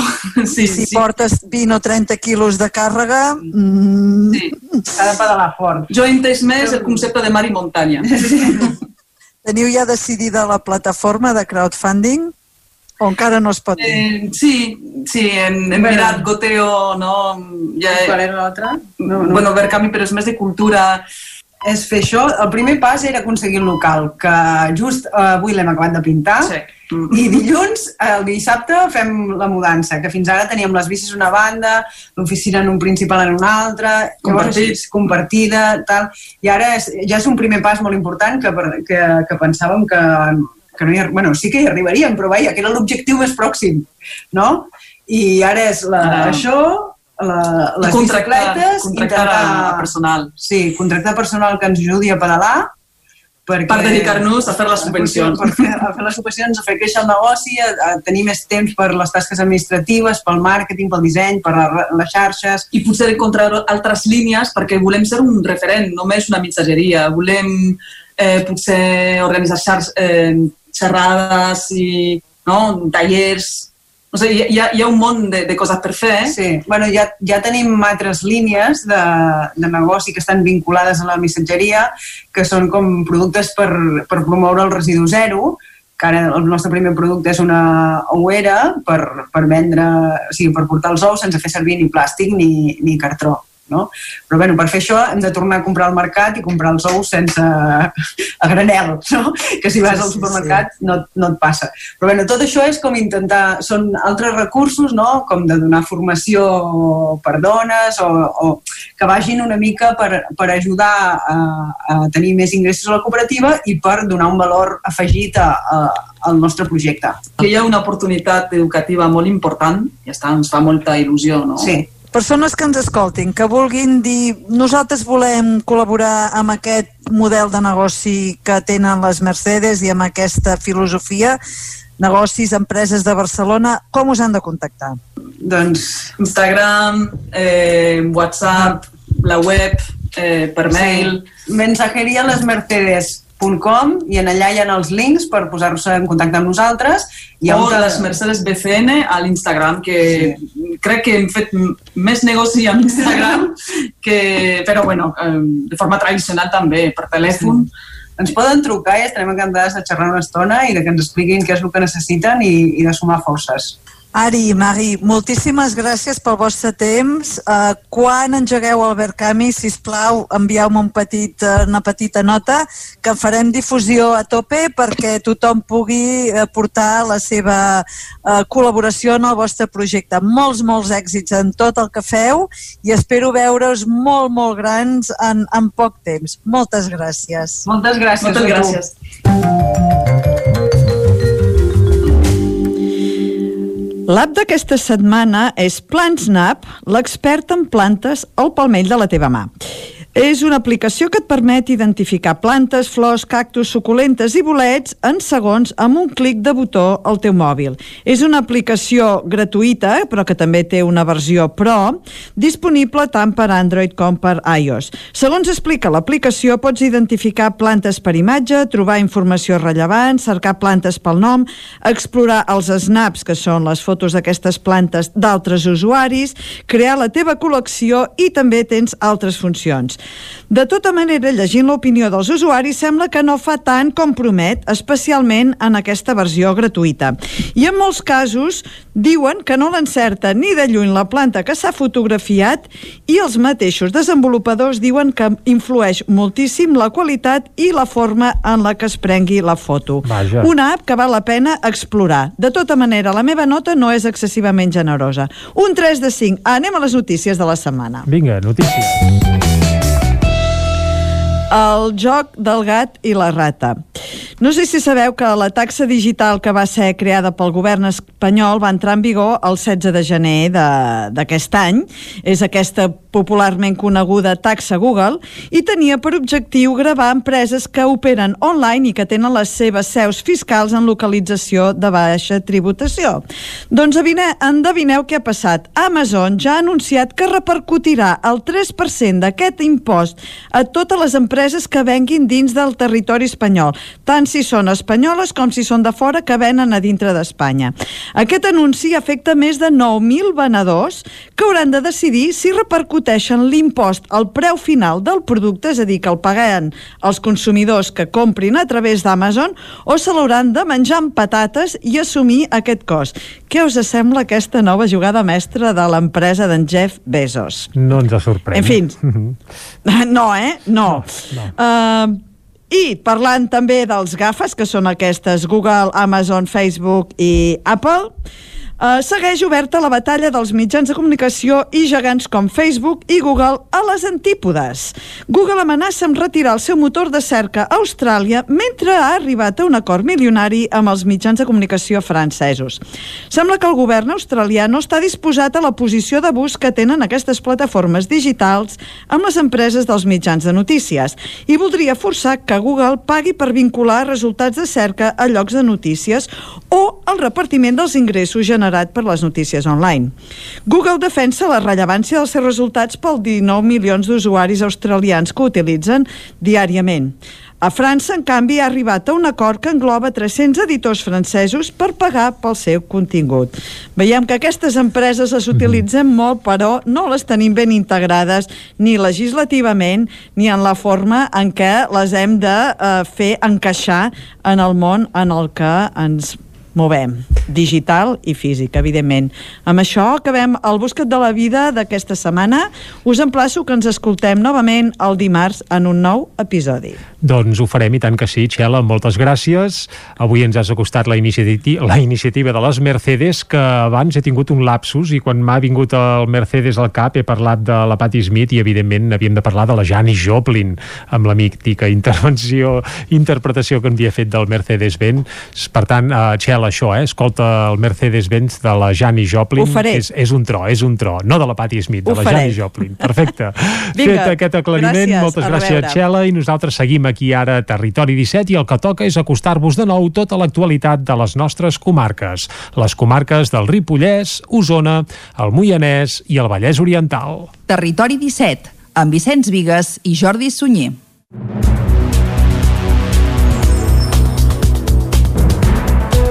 La Fiscalia no acusa d'assassinat a Mohamed Houli i a Driss Oukabir perquè no van ser al lloc dels atemptats el 17 d'agost a Barcelona. Isaac Muntades, des de la veu de Sant Joan.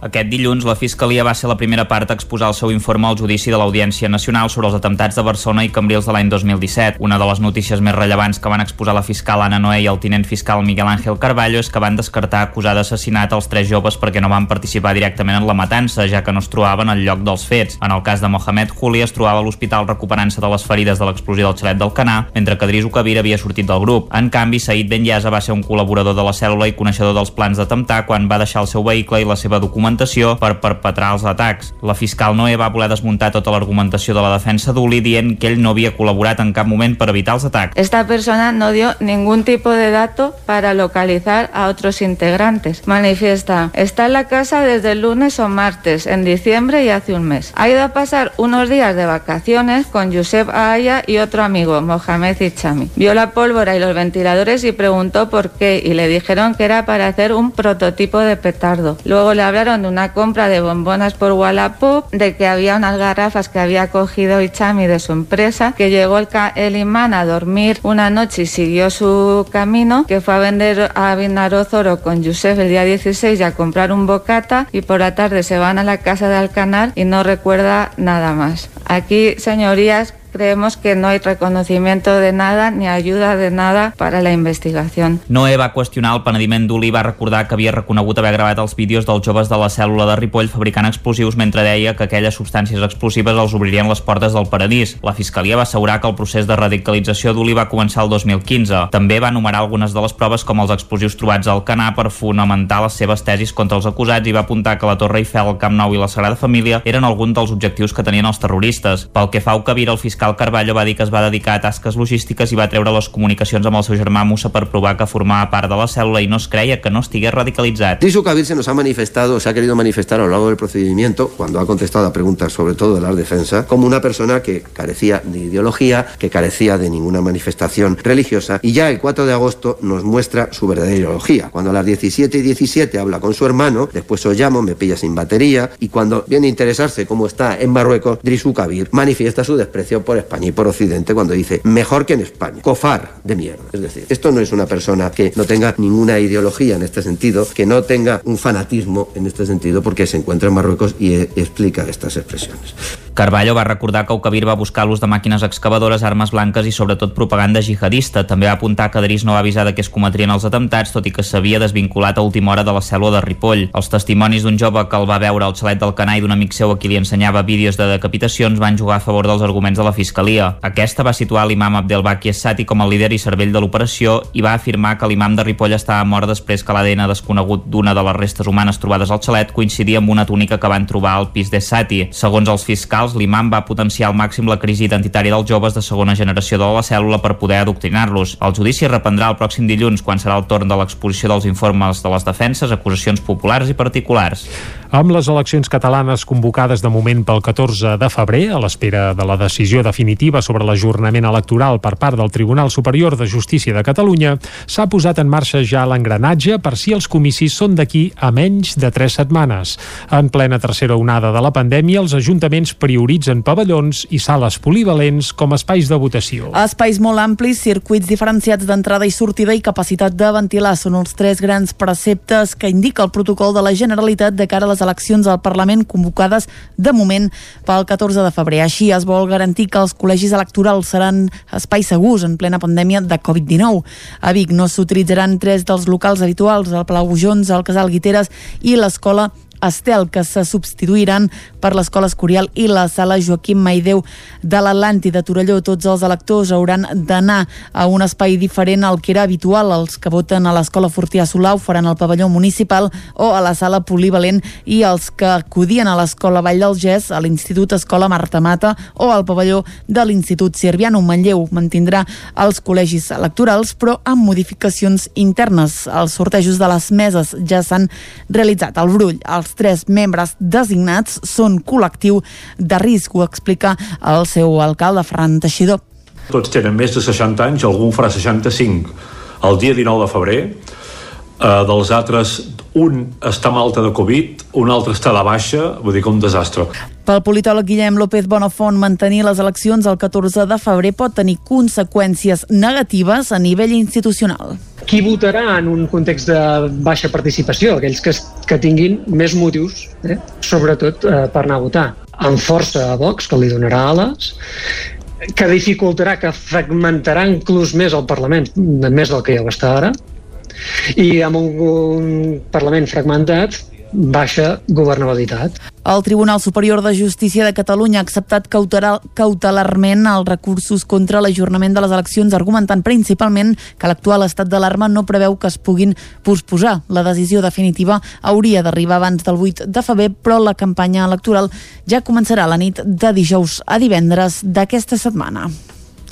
Catalans per la Independència i el CDR de Vic van desplegar aquest diumenge una bandera de Santa Eulàlia gegantina a la plaça Major de Vic, un acte que va servir per demanar a la ciutadania que voti de cara a les eleccions del 14 de febrer.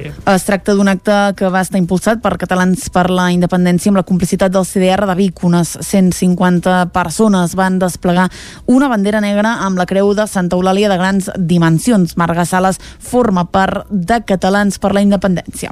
La plaça ve a ser 50 per 70 metres quadrats. Me sembla que són 2.000 metres quadrats de bandera negra que hem col·locat amb les seues aspes, que en principi mm, havíem pensat en una mega estelada, però per problemes logístics no l'hem aconseguit, però la bandera negra reivindica també molt clarament la lluita i ens ha agradat molt aquesta opció que hem aconseguit tapar la plaça amb, la, amb tota, tota aquesta bandera tan important de Santa Eulàlia, de rebel·lió i de lluita i de resistència. Fent referència a la lluita compartida de l'1 d'octubre de 2017 amb aquest acte Catalans per la Independència ressaltava la importància d'acudir a les urnes també a les eleccions al Parlament de Catalunya del 14 de febrer.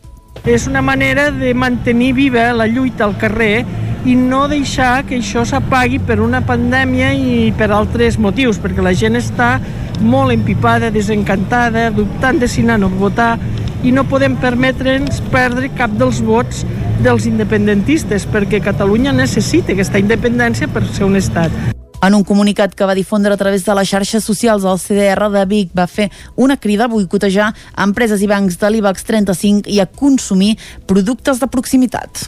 Els centres educatius del Baix Montseny i el Centre de Recursos Pedagògics Vallès Oriental donen el tret de sortida de manera virtual a l'edició 2021 del Robotseny, la fira científica i tecnològica de les escoles i instituts de la comarca natural.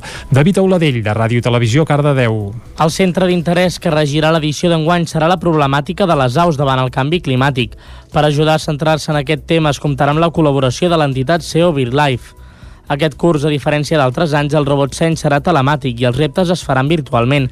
El repte de la competició serà fer un prototip de niu robotitzat amb les peces de Lego que tenen els centres educatius, amb l'objectiu d'analitzar aspectes de la vida quotidiana de les aus. Els reptes de la Fira Científica i Tecnològica seran l'elaboració de menjadores per aus en època hivernal i l'anàlisi quotidiana de les aus de l'entorn més immediat a partir de la pàgina web Ocells dels Jardins, un projecte de ciència ciutadana on es pot aprendre a reconèixer i comptar les aus de l'entorn més proper. D'aquesta manera, el robotseny, a més de desenvolupar les competències científiques, tecnològiques i creatives dels alumnes, també potencia l'aprenentatge dels objectius de desenvolupament sostenible. A partir d'ara, més de 1.300 alumnes dels centres educatius de Breda, Campins, Gualba, Llinars del Vallès, Riells i Viabrea, Sant Celoni, Sant Esteve de Palautordera, Sant Pere de Vilamajor, Sant Antoni de Vilamajor, Santa Maria de Palautordera i Vallgorguina treballaran els reptes de la competició i de la Fira Científica i Tecnològica a l'aula dins l'horari lectiu. A finals de maig, tots els centres educatius participants hauran d'haver penjat a les xarxes un vídeo explicatiu d'allò que han realitzat i s'entregaran diferents certificacions per reconèixer la feina feta. La policia local de Caldes de Montbui multa 10 persones per no recollir els excrements del seu gos a la via pública. L'import de la sanció és de 150 euros. Caral Campàs, des d'Ona Codinenca. De 34 mostres recollides, 10 d'elles han resultat coincidents amb les dades del Cens Genètic Municipal d'Animals. Aquestes dades es desprenen dels darrers controls d'excrements realitzats l'últim trimestre del 2020 per part de la policia local.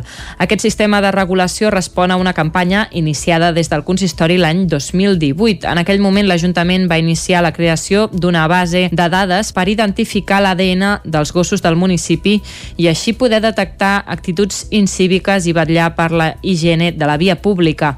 Actualment, el cens consta de 2.000 animals registrats i a banda d'aquest primer objectiu també permet la identificació de l'animal en cas de pèrdua o robatori.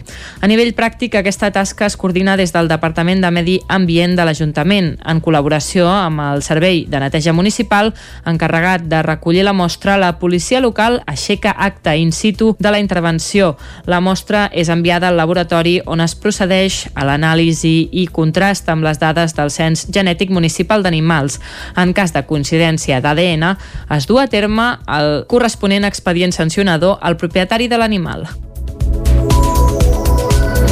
I fins aquí el butlletí informatiu de les 11 del matí, avui de les 11 tocades del matí, que hem fet, com sempre, amb les veus de Clàudia Dinarès, David Auladell, Caral Campàs i Isaac Muntades. Ara un breu parèntesi i de seguida parlem d'economia amb el Joan Carles Arredondo. Fins ara.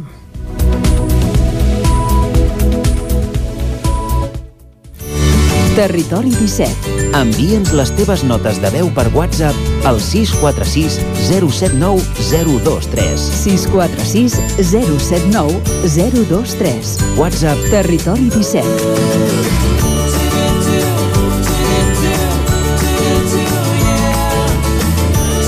Territori 17. Som a Facebook, Twitter i Instagram amb l'usuari Territori 17.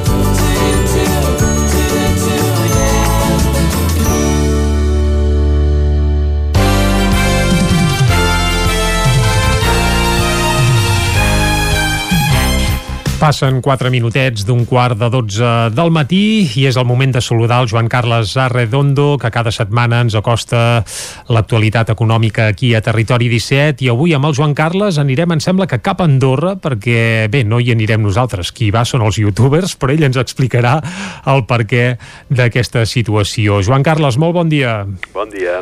Encara no has anat a Andorra, tu, eh? No, no he anat a Andorra fa, bastant, fa bastants anys eh, que no, Bé, que ni no hi de, vaig. ni de Eh, turisme ni a posar-hi el teu domicili fiscal, eh? No, no, no, no, no, no hi fixaré la residència perquè en realitat, bé, tampoc tinc tant per... És a dir, tam- tampoc m'estalviaria tant, eh, diguem-ne, no, no, no, no, tant com, com el Rubius, eh? El Va, Rubius és, és el un Rubius dels youtubers...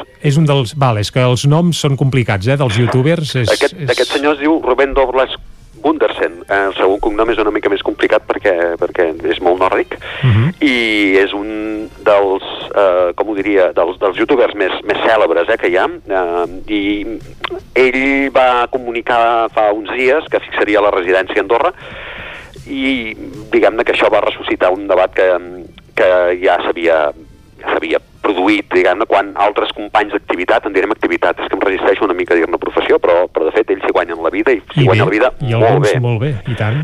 com els Rubius, eh? Sí, sí. Com els Rubius i d'altres, eh? eh serien el mateix pas, eh, di- diguem-ne que aquestes són les noves celebritats, eh? eh les celebritats analògiques ja també havien fet el mateix pas, eh? de fixar la residència a Andorra, i mm, diguem-ne que el, el tema, Andorra té molts eh, d'atractius, però no és gaire difícil deduir que el principal atractiu per a aquestes celebritats, les digitals i les analògiques, eh, és el marc fiscal d'aquest petit país, especialment per les persones que tenen ingressos elevats. Mhm. Clar, clar, aquí el debat gairebé, diria, moral, eh, no s'ha fet esperar. Es- Està claríssim que és molt legítim que cadascú fixi la residència allà on més li plagui, però hi ha un, el fet cert que aquesta mudança té la dolça companyia d'una reducció substancial de la factura fiscal eh, de cada any, no? Eh, sense afany d'aprofundir, eh? però a Andorra eh, hi ha tres tipus impositius en, en funció dels ingressos. Uh, les persones que ingressen menys de 24.000 euros uh, estan exempts de pagament. Aquí, diguem-ne, ja, ja, ja tenim el primer salt, eh, perquè aquí és a partir de 14.000.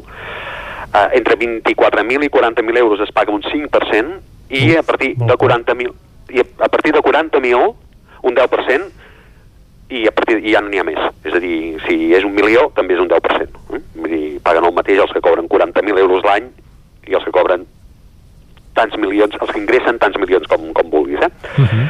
Aquest últim aspecte és important per a aquests youtubers que han decidit complir les condicions que imposa Andorra per re- rebre la consideració de resident. Eh? Tot, tot això s'aplica a les persones que fixen la residència durant 183 dies, és a dir, més de mig any. Um, i aquests, aquestes persones tenen ingressos que són sovint milionaris. Eh? Uh, de fet, el Rubius, les, les, les dades fluctuen perquè eh, no són precisament un cúmul de transparència, tampoc tenen per què ser-ho, no estan obligats a que ho siguin, eh, però serien de l'ordre de 2 milions i mig, eh, hi ha algunes, altres, algunes altres fonts que n'apunten més de 4 milions, eh, són ingressos en tot cas molt elevats, eh? Eh, i tant se val perquè per cada milió ingressat eh, aquest senyor pagaria més de 400.000 euros en impost sobre la renda a l'estat espanyol i Andorra queda per menys d'una quarta part, eh? eh per cada milió d'euros només en Clar, pagues només el 10%. en paga 100.000, per tant, estem parlant de quatre, quatre vegades més, són més de quatre vegades, perquè aquí el, els tipus impositius màxims són del 47%, i en el cas de Catalunya fins i tot més elevats, perquè aquí el tram autonòmic està al màxim. Eh? Um, clar, com més creixin els ingressos, mm, més, més diferència es va produint, no? Diguem-ne, diguem amb, amb, amb, amb diner líquid, diguem-ne, més diferència es va produint. Evident. Doncs això, els youtubers formen part de la cultura digital, però el debat que suscita la decisió que han fet molts d'ells instal·lar la, la seu, instal·lar-se a Andorra, que té molt de digital, eh, també aquesta decisió, perquè de fet mm, el que té aquesta activitat és que es, no, no, no, té localització, es pot fer des d'on es vulgui. Eh? Eh, diguem-ne que, que aquests són eh, diguem-ne que els, eh, la punta de llança del teletreball, eh, diguem-ne, mm. poden fer poden fer com vulguin, poden fer on vulguin, vulguin. eh? Però el debat sí que és una mica analògic, eh? Quin és el grau de solidaritat que s'ha d'exigir als que més ingressen, com de progressius han de ser els impostos, després explicarem, explicarem què és progressivitat, quines obligacions té l'Estat per un cop mm, eh, mm, rec- o sigui, quin- quines obligacions té l'Estat un cop recaptat els impostos en el fons, doncs, els moderns millennials estan suscitant preguntes pròpies de boomers eh? Eh, els millennials són aquests que han nascut a partir dels anys 80 i els boomers són els que van néixer fins a l'any 69 doncs eh, una mica el, el, el debat és una mica el mateix eh? Més enllà de l'adonisme que mostra la decisió de buscar com esquivar la pressió fiscal, eh, la migració voluntària que emprenen aquestes celebritats digitals, per cert, molt diferent que, que, la, que, que, que aquesta emigració obligada que, per la qual han hagut de passar molts dels seus eh, companys de generació, eh? alguns dels quals, en molts casos, molt, molt, molt, amb moltes més hores d'estudi al darrere, però que aquest, diguem-ne, seria un altre debat. Doncs dèiem això, eh? més enllà d'aquest adonisme, el que mm, posa de relleu la impopularitat de la qual s'han rodejat massa sovint la política tributària en, en general. Els impostos són impopulars perquè o bé no s'han explicat s'han explicat prou bé la importància, o bé perquè l'Estat tampoc ha estat exemplar eh, en la gestió, o el que és pitjor, una mica de totes dues coses, eh? Els youtubers, eh, no tots, perquè en- alguns han explicat clarament que no tenen cap problema a seguir tributant a l'Estat, això també s'ha de dir, no es pot generalitzar, han pres una determinació que va més enllà de consideracions morals eh, similars als sermons religiosos. Eh? Una mica el, el debat que, que s'ha generat és ah, vosaltres sou uns insolidaris i una mica sembla que, que els estiguin fent un, un sermó de missa. Eh? Um, I estan formulades sovint aquestes, aquests retrets eh? Mm, per les mateixes veus que empenyen a actuar eh, sota la responsabilitat individual. Eh? Uh, últimament s'ha posat molt de moda dir que, que hem, hem de ser responsables individualment, eh, fins i tot ara amb, amb temps de pandèmia. Amb doncs, pandèmia més, sí, sí. Mhm. doncs mm, que la responsabilitat individual també pot comportar que cadascú l'apliqui com vulgui, perquè de fet aquests senyors són lliures, de, de, ja dèiem, de fixar la, resi la residència on vulguin. La decisió de fugir d'un país amb uns impostos del 10% de, amb, amb IRPF per, per les persones amb ingressos elevats o també un 4,5% d'IVA eh, en comptes de, del 21 general a l'Estat és efectivament individual si bé és cert que acaben afectant el col·lectiu, perquè un estat amb menys ingressos també és un estat amb menor capacitat per mantenir una sanitat i una educació universals, ara que està molt, molt de moda, diguem-ne, sobretot el tema sanitari, uh -huh. eh, que puguin prestar amb, amb, un, amb estàndards de qualitat notables, eh, de disposar d'infraestructures, fins i tot infraestructures que permeten als youtubers actuar, eh, els 3Gs, aquestes coses, no? 4, 3Gs, 5G, 4Gs, 5Gs, doncs, eh, doncs una mica la cosa va per aquí, no? Els youtubers han mostrat, per tant, una, amb, amb, que, que han mostrat fins ara una envejable capacitat de seduir les, les audiències amb continguts que resulten interessants, eh, no, no, no, volem, no volem menys prear eh, els youtubers, doncs eh, estan i això els porta a aconseguir grans ingressos, però de la mateixa manera que és poc gratificant que hi hagi discurs que els desqualifiquen des de la superioritat, ho és que facin mostra del del que compleix pagant els seus impostos com toca, que això també. Doncs això no hauria de passar. En tot cas, Joan Carles, gràcies per explicar-nos perquè els youtubers se'n van cap a Andorra tenim ben clar que és perquè bàsicament només han de pagar, entre cometes, el 10% del que ingressen i no pas com a l'estat espanyol on aquesta xifra és força més elevada. T'esperem dimarts que ve de nou aquí a Territori 17. Joan Carles, moltes gràcies. Gràcies a vosaltres, bon dia. I nosaltres ara fem una pausa i tornem a dos quarts en punt. Fins ara. El nou FM, la ràdio de casa, al 92.8. Cobertes serveis funeraris. Els nostres tanatoris estan ubicats en els nuclis urbans més poblats de la comarca d'Osona per oferir un millor servei. Tanatori de Vic, Tanatori de Manlleu, Tanatori de Centelles i Tanatori de Roda de Ter. Sabem que són moments difícils i per això el nostre compromís és atendre-us en tot moment amb un tracte humà, sensible i respectuós. Cobertes serveis funeraris. Telèfon 24 hores 93 883 23 46. Cocodril Club. Si t'agrada la bona música dels anys 60, 70 i 80, escolta el 9 FM als matins de dissabtes i diumenges d'11 a 1. És el temps del Cocodril Club, tot un clàssic de la ràdio, amb les bases del pop-rock, les llegendes, les cançons que s'han convertit en autèntics himnes. Recorda, dissabtes i diumenges al matí, d'11 a 1, al 9 FM 92.8. Cocodril Club, el programa revival de l'Albert Malla.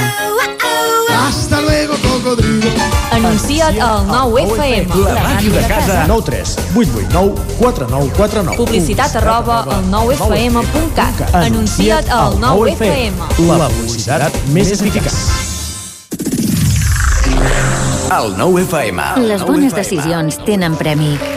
I és que si té una caldera Vaillant, està d'enhorabona. Vaillant li ofereix fins a 15 anys de cobertura total, amb la revisió obligatòria inclosa. Informis a Oficiat Nord trucant al 93 886 0040. Amb el servei tècnic oficial de Vaillant, la seva caldera estarà en les millors mans. Hi ha una màgia que no té truc. És la màgia de compartir una estona amb algú i parlar-hi. Vols practicar català? Vols ajudar algú a parlar-lo? Apunta't al voluntariat per la llengua. El programa de les parelles lingüístiques a vxl.cat. Perquè quan parles, fas màgia. Generalitat de Catalunya. 100 milions i mig de futurs. Can Xalant, moda i complements. Més que rebaixes, nova secció tot a 10 euros. Moda home-dona, nen-nena, sabates, bosses de mà, maletes, complements i molt més. Sí, ho has sentit bé, tot a 10 euros. Vine a Can Xalant, ens trobaràs al carrer Sant Tomàs 4 de Call d'Atenes. També a Instagram i Facebook.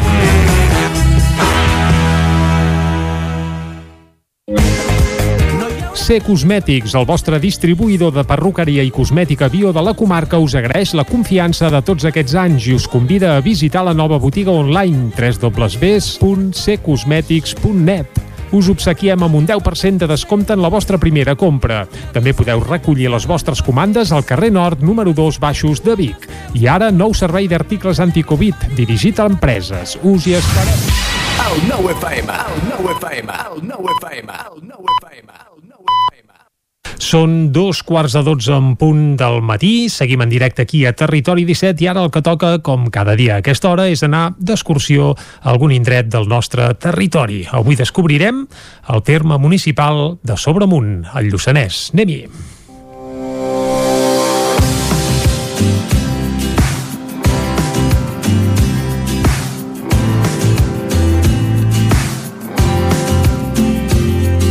Sobre la serra de Sobremunt i el municipi del mateix nom, cavalcant sobre la plana. A la terra, nombroses rieres que conflueixen a la riera de Sorreig, un espai natural interessantíssim que aboca el Ter. És un dels municipis més rurals del Lluçanès, amb tres sectors bàsics, el poble de Sobremunt, les caseries del Sorreig i Santa Llúcia de Sobremunt. El terme està format per un petit nucli urbà i masies aïllades que conformen els 80 habitants de la població. És una perfecta població per gaudir de la natura i les rutes a peu o en bicicleta. Per aquesta població hi passa el GR3. De fet, a Osona transcorren cinc senders de gran recorregut i un d'ells travessa la petita població per camins rurals. Aquest recorregut s'inicia a la plaça de la Rectoria de Vidrà i s'arriba fins al Santuari dels Munts. Recordeu que els senyals són comuns a tota Europa. Dues franges de pintura indiquen que anem per bon camí, una creu camí barrat o equivocat i quatre franges és canvi de sentit. En els senders de gran recorregut els senyals són de color blanc i vermell. Per la mateixa població també podem fer una excursió de petit recorregut. El PR46 és un sender que segueix tot el curs de la Riera de Sorreig fins al Santuari dels Munts, tot passant per Santa Cecília de Voltregà, els Angelats, el Gorg Negre, l'Aumatell, les Fosses, Sant Boi de Lluçanès i la Corona. Un itinerari pels racons més desconeguts i encisadors de la zona declarada Espais d'Interès Natural. Els senyals del PR també són comuns a tota Europa. Funcionen igual que el de gran recorregut, però en aquest cas són de color blanc i groc. I parlant de rieres i aigua, hi ha tres punts a la població dignes de visitar. Per una banda, el Salt de Guitarons, que està situat a l'est de Guiteres, en un meandre de riera de Sorreig, poc després que passi l'altura del molí de Guiteres. El Gorg Negre, una ruta en la que descobrireu totes les llegendes de bruixeria que encara es conserven en un dels indrets més amagats del Lluçanès. A més, en aquesta ruta podreu gaudir d'un dels boscos més espectaculars de tot el Lluçanès. I finalment es pot anar a la preciosa Gorga Blava en un espai planer del riu. Per anar acabant a la població podeu visitar-hi la parròquia de Sant Martí, el nucli de la vila, i l'ermita de Santa Llúcia, una petita ermita molt bonica i a la que podem arribar amb una ruta pròpia. El recorregut ens proposa conèixer la Font de la Roca dins el nucli i arribar fins a l'ermita, passant entre camps de conreu i pastura. I des d'on seguint la serra de Sobremunt s'observen unes vistes espectaculars de la plana de Vic i part del Lluçanès i Pirineus. La tornada també combina paisatges de postal des del Serrat de Sant Joan i Serrat dels Padrons.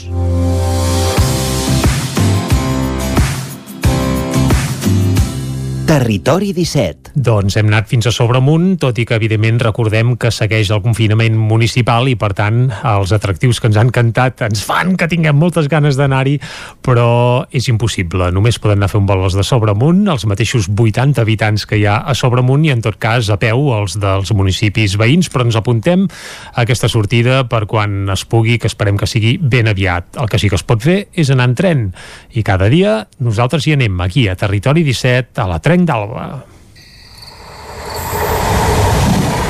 A Tren d'Alba. Cada dia els usuaris de la línia R3 de Rodalies que veuen sortir el sol des d'un vagó ens expliquen les gràcies i les penes del primer comboi que uneix Ripoll i Barcelona.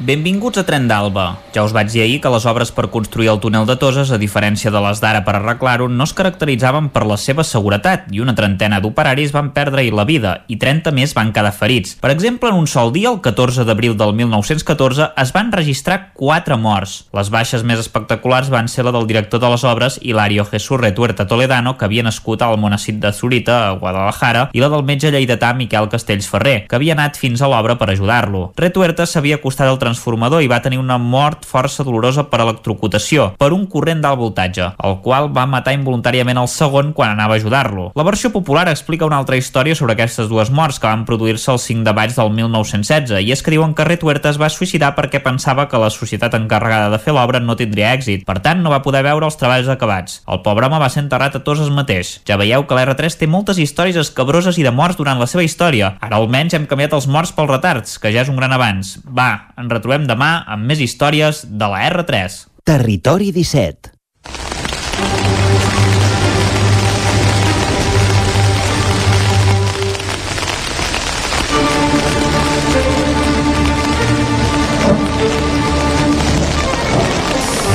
I quan passen 5 minuts de dos quarts de 12 del matí, entrem de ple a la sintonia de medi ambient i meteorologia. Cada dimarts acabem el programa parlant d'algun d'aquests aspectes. I avui, com passa un cop al mes, qui ens acompanyaran seran els companys del Centre d'Estudis dels, dels Rius Mediterranis, el CERM, un centre ubicat al Museu del Ter de Manlleu, i el seu coordinador és el Marc Ordeig, a qui ja saludem ara mateix. Marc, molt bon dia. Hola, bon dia. I amb en Marc avui volem parlar del cens d'ocells aquàtics hivernants que es va fer el passat dia 16 de gener, crec. Uh, I bé, aquest cens permet saber doncs quins ocells han hivernat o passen l'hivern o bé, o, o si estan tot l'any potser també a la Conca del Ter en concret em sembla que l'estudi que vau fer comprèn una mica un fragment del Ripollès, tot Osona i un tros de la selva i tot, no sé si anem errats o no Marc, va ser així? Sí, sí, és correcte, és correcte. Mhm. Sí, sí, ja, ja fa uns quants anys, de fet, des que érem estudiants de, de biologia i ja en tenim uns quants anys nosaltres al damunt, Mhm. deu fer d'això, em sembla que fa 32 anys que fem aquest cens, Aviat és dit. que sí, sí, sí, déu nhi eh? I el fem un cop l'any, de fet el fem nosaltres i el fa molta gent de Catalunya simultàniament. Bé, i d'Europa. també es fa arreu d'Europa, es fa, eh? Això és una cosa que no es fa només aquí que feu vosaltres, sinó que és gairebé mundial, podríem dir. Sí. Exacte. Mhm. Em sembla que a Catalunya el primer cens que es va fer eh, va ser el Delta de l'Ebre farà uns 50 anys, eh, justament això per, per intentar doncs, tenir alguna dada més i sortim al mapa d'Europa dels censos hivernants d'ocells, no? I, i nosaltres vam dir, doncs, home, doncs, a part del Delta de l'Ebre i el Regamais de l'Empordà, potser aquí fiquem alguna taca d'aquí d'Osona i del Ripollès, sobretot els pantans en aquell moment, Mhm. i amb el temps hem, hem anat ampliant la superfície de cens i ara doncs si fem des de des d'Ull de Ter fins als pantans de Sau, Susqueda i el Pastoral que ja són a la comarca de la Selva. Uh, L'observació d'aquest any la vau fer el passat 16 de gener i bé, ja podríem parlar una mica de què, què hi heu vist aquest any, no? Perquè m'imagino que d'un any per l'altre a vegades hi ha, hi ha canvis. Ha estat un bon any d'observació d'ocells? Per exemple, Sí, bueno. pel que fa a espècies, ja, ja vaig al gra i pel dret, eh? Quantes n'heu observat de diferents? Bé, ara en aquest moment encara no ho podem dir perquè Mhm. Eh, heu de pensar que això es fa doncs, amb, amb, amb personal voluntari, tots nosaltres ho fem de manera voluntària, Mhm. ho coordinem des del Centre d'Estudis del Risc Mediterrani, des del Museu del Ter, la Universitat de Vic, però eh, és una cosa que s'ha d'anar fent a hores perdudes i a vegades costa de trobar-la, d'aquestes hores perdudes. Llavors anem aplegant la informació de, de tot de persones que es responsabilitzen de fer trossets de, de tot aquest recorregut que hem dit que va doncs, d'aquest centenar llarg de quilòmetres des de Ter fins als pantans de Susqueda i el Pastoral, Mhm. i per tant encara no ho tenim, és massa recent. Eh? Uh, per exemple, jo, jo us puc dir el tram uh, que ens en cuidàvem juntament amb el company Albert Pedro, que és el sector que va a l'entorn de Manlleu, des de la Gleva, a les Magies de Voltregà fins a Roda de Ter, Mhm. aquí vam trobar 50 espècies diferents d'ocells. I això és molt o poc? És, és normal. Mhm. És un valor normal, pensem que d'ocells n'hi ha de moltes espècies, eh? i el que passa és que a l'hivern en veiem més, n'hi ha més, no tant d'espècies, sinó de- d'individus, perquè aquí eh, fa fred, però comparat amb el fred que fa al centre i al nord d'Europa, que allà estan tots els rius i estanys congelats, doncs eh, els ocells si poden se'n van i venen cap aquí o més avall. Eh? I per això és una època tan interessant i és bo fer aquest cens per veure doncs, si varia d'un any a l'altre, etc. Perquè, per exemple, d'ànecs colls verds n'hi ha tot l'any, però quins serien els ocells hivernants que venen només a l'hivern? És a dir, que només els podem observar ara. Quins hi ha que a l'estiu, per exemple, no els puguem veure? Canes corcolarides n'hi ha tot l'any, però també pot ser que algun ànec s'hi afegeixi, algun ànec que vingui de fora. Eh? Uh -huh.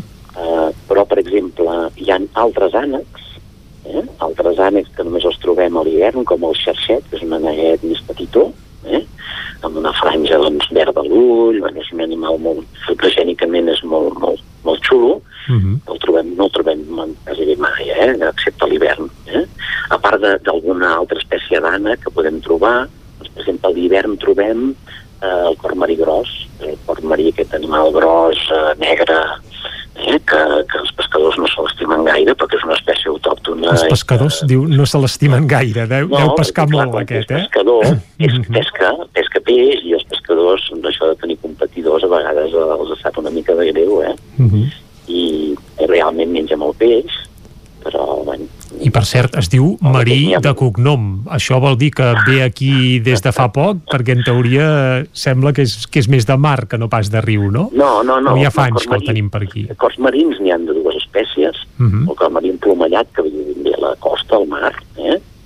I després hi ha el, és una mica més menudet, i és un marró fosc, i el cor marí gros és ben negre, i per això a la gent tampoc no li agrada gaire, perquè és un color negre, el color negre no atrau, pel motiu que sigui. Eh? El cor marí gros viu en els estuaris, en els llacs, a les llacunes costaneres i en els rius històricament mm, aquí no n'hi havia, no n'hi havia molt poquets i van començar a proliferar moltíssim a partir dels anys 60 quan es van construir els embassaments de Sau, Sospeda i el Pastaral perquè ells busquen grans masses d'aigua on establir-se i, on, i on hi ha molt peix per menjar i després també s'escampen més pels rius. En el cas d'Osona i el Ripollès va haver-hi un moment que n'hi va, van començar a proliferar molt, que va ser a partir de la construcció d'aquests grans embassaments als anys 60. Mm. Eh, hem de pensar que a, a, a la paret del cingle de, de, de Balà, del pantà de Sau, darrere de, del campanar submergit de Sau, aquella imatge tan bucòlica. Sí, la- l'estampa que tenim tots al cap ara, eh? Sí, sí, amb la paret al darrere i el campanar al davant, sí, sí. aquella paret vermella tot de ratlles blanques, eh?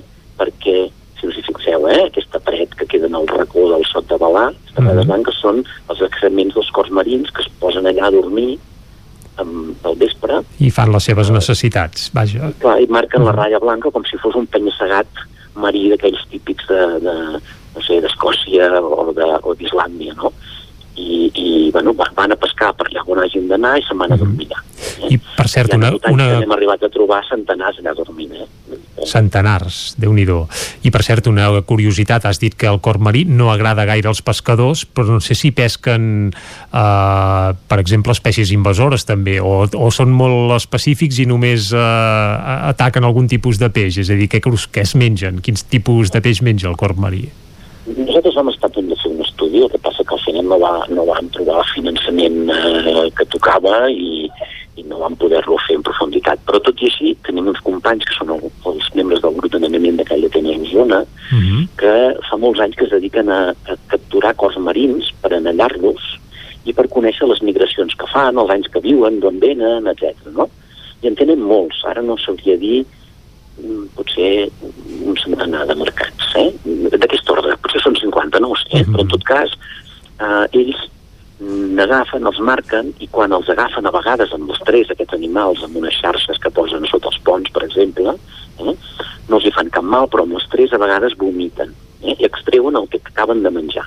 Quan això passa ens envien una foto i per tant de manera, diguem, no estandarditzada, sempre tots els peixos que hem vist que havien regurgitat els cos marins eh, Osona bàsicament que és on ells fan aquestes captures. No hem trobat cap espècie autòctona. Estic parlant de mm, 50 o 100 cos marins potser que han, que han capturat. I bàsicament doncs, són espècies com ara el, el, l'atlet, el rutil, tot de peixos d'aquests mm, tipus carpa o carpes també, tot això són espècies, espècies que són al·lòctones, invasores, eh? i sobretot el que és el, el, l'atlet i el, ru- i el rutil que viuen al pantà de Sau i de Susqueda, que n'hi ha molts, és el que abunda més a dins de, de, de la seu, del seu estómac. Um, sí que, aviam, nosaltres que fem estudis eh, pel Pirineu, per exemple, hem vist que hi ha alguna truita que té alguna marca de, de pestigada del cor marí, que és diferent que la del Bernat Pescaire, i segur que mengen alguna truita. Però el gruix principal són espècies de ciprínids, invasors, que és el, que, de la, o sigui, el principal de la seva alimentació són espècies de ciprínids invasores, per tant, bueno, Per tant, benvingut sigui el cor marí. Bueno, en tot cas hi és, és una espècie que va arribar, no, no és cap invasora, és una espècie d'aquí, que va tenir l'oportunitat de, de viure a prop dels embassaments i es va començar a expandir més del que estàvem acostumats. Eh? Uh -huh. uh, altres espècies que només puguem trobar a l'hivern ens n'ha citat algunes però segur que n'hi ha més, eh? N'hi ha més, n'hi ha més. Per exemple, una de, de molt menuda i molt, molt interessant és el lluer. El lluer.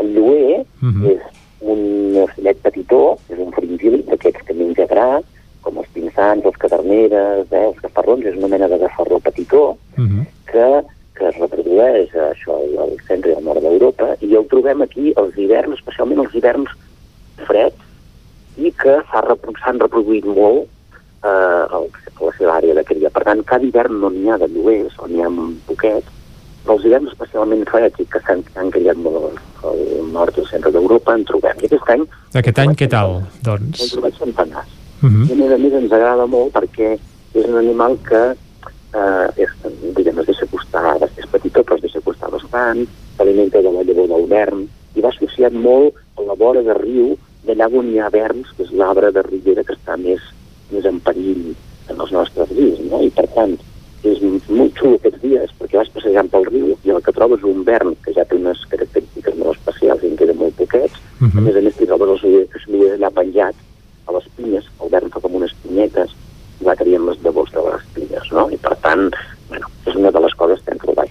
Això segur que la meteorologia hi ha ajudat, com bé has dit, aquest gener ha estat molt fred, bé, des de Nadal fins a mig gener hem tingut temperatures gèlides, no només aquí, sinó suposo també a bona part d'Europa, i això deu haver afavorit la presència del, del lluer a casa nostra, suposo, eh? altres petits ocells, com ara el, el mosquitó comú, el pit eh? aquests sempre en trobem a l'hivern i aquest any n'hem trobat també centenars, molts més que altres anys. Eh? Mhm. El pit roig, per cert, Marc, el trobem tot l'any per això, no? O no? Sí, sí, sí, i el, i el mosquitó també, els trobem tot l'any, però eh, l'hivern eh, l'hivern en trobem més, es barregen els d'aquí amb, els, amb els alemanys, per aquí ens entenguem, Mhm. eh? i venen a passar l'hivern aquí, com, com es feia abans de la pandèmia, doncs que els jubilats eh, centreeuropeus doncs, venien al Mediterrani a passar l'hivern perquè s'estava més bé, doncs aquests fan una cosa semblant. Eh? Està bé, està bé, a fer turisme meteorològic. Mhm. És això, és això. Eh?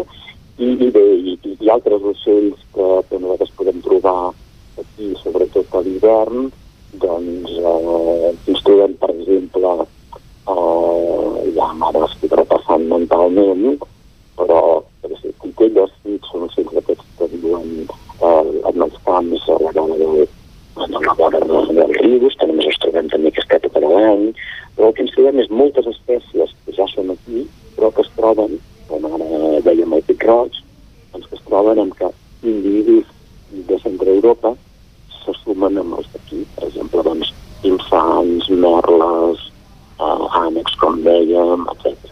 Eh? Mhm. Uh, si parlem una mica d'aquesta observació que comentaves abans, eh, que heu fet més vosaltres entre la gleba i roda, uh, en aquest cas, en aquest tram, quin és l'ocell més nombrós? És a dir, d'espècies ens has comentat que n'heu vist prop de mig centenar, però si ens uh, senyim en el nombre total d'ocells, quin seria el més dominant o l'espècie que es troba més en aquest En, àmbit? aquest, en aquest recorregut, que vam uh -huh. ser uns 10 quilòmetres de riu, més o menys, eh, hem trobat eh, unes 14 persones, ho vam fer en dividits en dos grups, vam trobar més de 1.500 ocells, i concretament 1.547 ocells. Això amb només un dia, això és moltíssim, en un suposo. matí, en un matí, Amb un matí. en 10 quilòmetres, o sigui, eh, 155 ocells per quilòmetre. Eh? Vull dir que, es, que es veu, o sigui, vas a la vora del riu i en veus. També és veritat que a la vora del Ter, a Manlleu, on que hi ha el passeig, aquest alçat, i, i, i els ocells se senten protegits perquè no hi ha gaires depredadors, afavoreix que n'hi hagi més que en altres llocs. Però en tot cas, la vora, la vora del riu a l'hivern és un bon lloc per veure ocells. Eh? Un centenar d'ocells per quilòmetre, el trobes fàcil. Eh? Llavors, quin és l'ocell més abundant? Doncs mira, en aquest tram de riu l'ocell més abundant és l'ànec collverd. Mhm. Hi ha molts ànecs. Tot i amb això, aquest any hem trobat, mira, en aquest sector n'hem trobat 222, entenc, ara ho estic mirant, 222 en aquests 10 quilòmetres. Eh? Tot i amb això, hi ha hagut anys que n'hem trobat molts més perquè el fred ha fet que alguns d'aquests diguessin, ostres, tirem una mica més avall i se n'han anat a la costa o se n'han anat cap al sud de la península ibèrica, eh? I després, a part d'aquests, doncs també hem trobat bastants, doncs hi havia uns argentats, hi havia la gavina... Que la gavina típica. Patir, eh? Mm -hmm. eh? Exacte. Pinsans, el pinçà seria el tercer en el rànquing, eh? d'aquests també n'hi ha algun que tria per aquí, però vaja, la gran majoria són ocells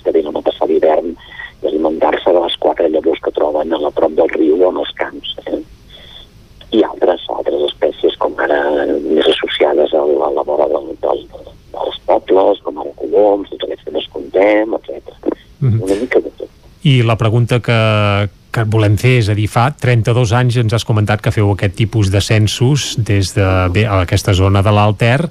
Amb aquests més de 30 anys ja que, que porteu fent-ho, hi ha hagut una, un augment del número d'ocells que observeu? És a dir, hi ha hagut gaire canvis? Ha variat molt tot plegat? O estem, si fa no fa, igual? Uh, hi ha hagut canvis en el sentit que en aquest, en aquest cas és, és, és en positiu. Eh? Cada vegada hi trobem noves Mm -hmm. individus que al començament pràcticament no trobàvem aquí, eh, doncs s'han tornat habituals. Per exemple, eh, l'agró blanc, és un animal gros, blanc, és un bernat pescaire blanc, gros, mm -hmm. que també menja peixos, és poc abundant, eh? vull dir, aquests dies n'hem anat trobant 5 o 6, eh?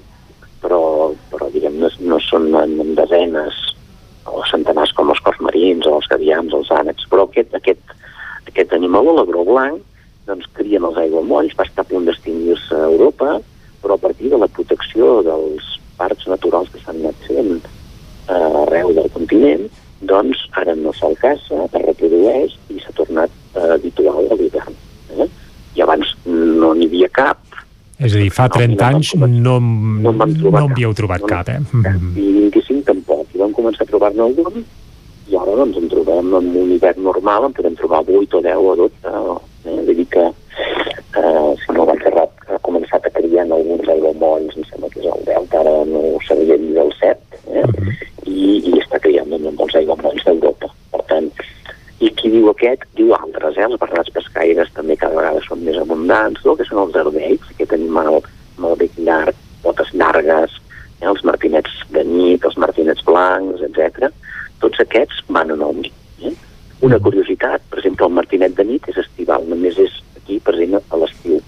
També fa uns anys aquest animal ha anat en augment i n'hi ha molts a la primavera i a l'estiu, però és que també n'estem trobant cada hivern ara. Com que per l'escalfament global doncs eh, no fa tan fred, tot i que aquest any ha fet una, un fred espectacular, eh? però de mitjana fa menys fred que antigament, doncs hi ha alguns ocells que abans no hi eren aquí a l'hivern, que encara s'hi queden pocs individus, eh? però per exemple la puput, que és un animal eh, que té una cresta, és un animal de colors torrats, típic de, de vores de cana, etc. I que en teoria l'hivern se'n va.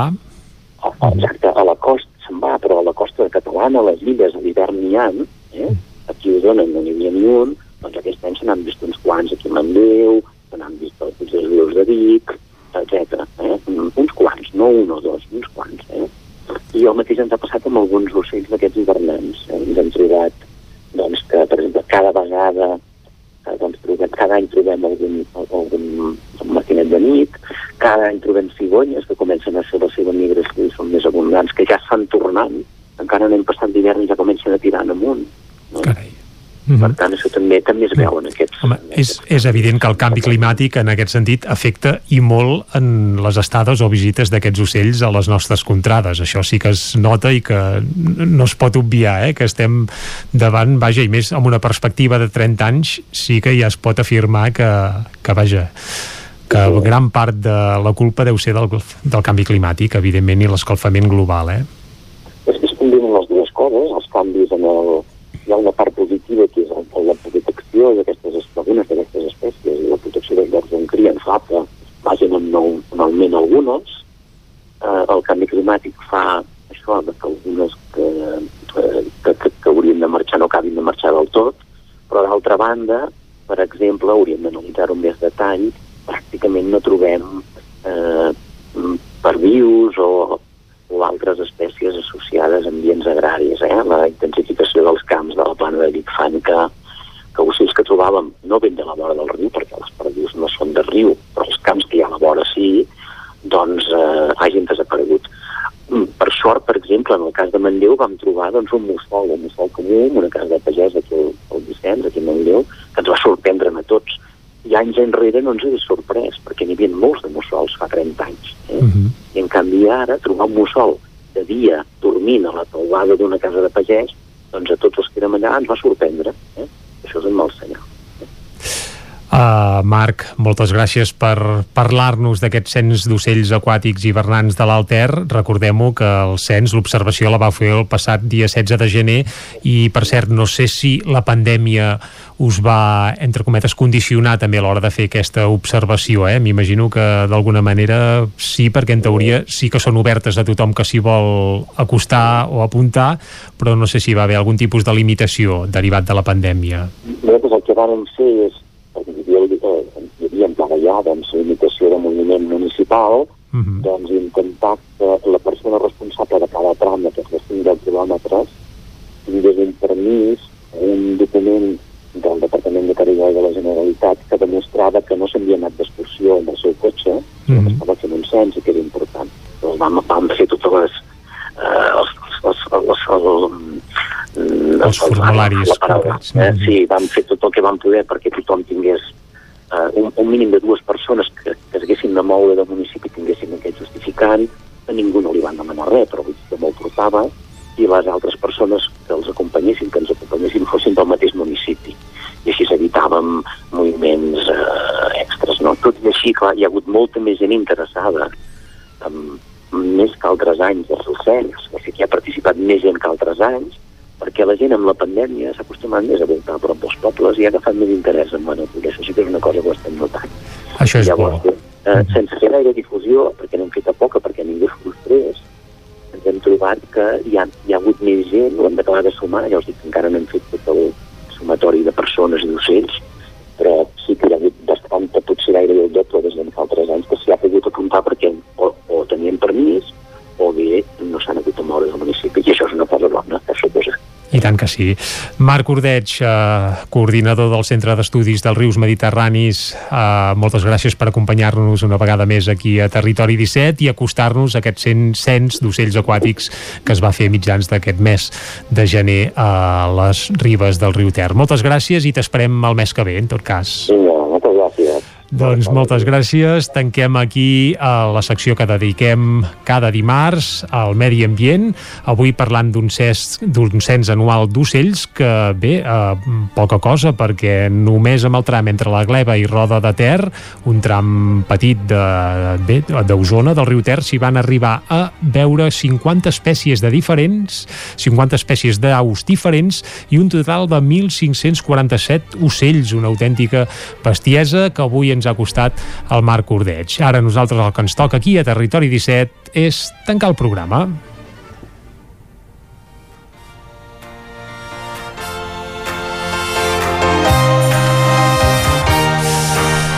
Un programa, Territori 17, que us hem fet amb Vicenç Vigues, Clàudia Dinarès, David Auladell, Caral Campàs, Joan Carles Arredondo, Txela Falgueres, Arnau Jaumira, des del control tècnic, i avui també amb la col·laboració del Marc Ordets del Centre d'Estudis dels Rius Mediterranis. Nosaltres tornarem demà i ho farem, com sempre, fent-vos companyia des de les 9 del matí i fins a les 12 del migdia. Fins llavors, salut i que vagi molt bé. A reveure.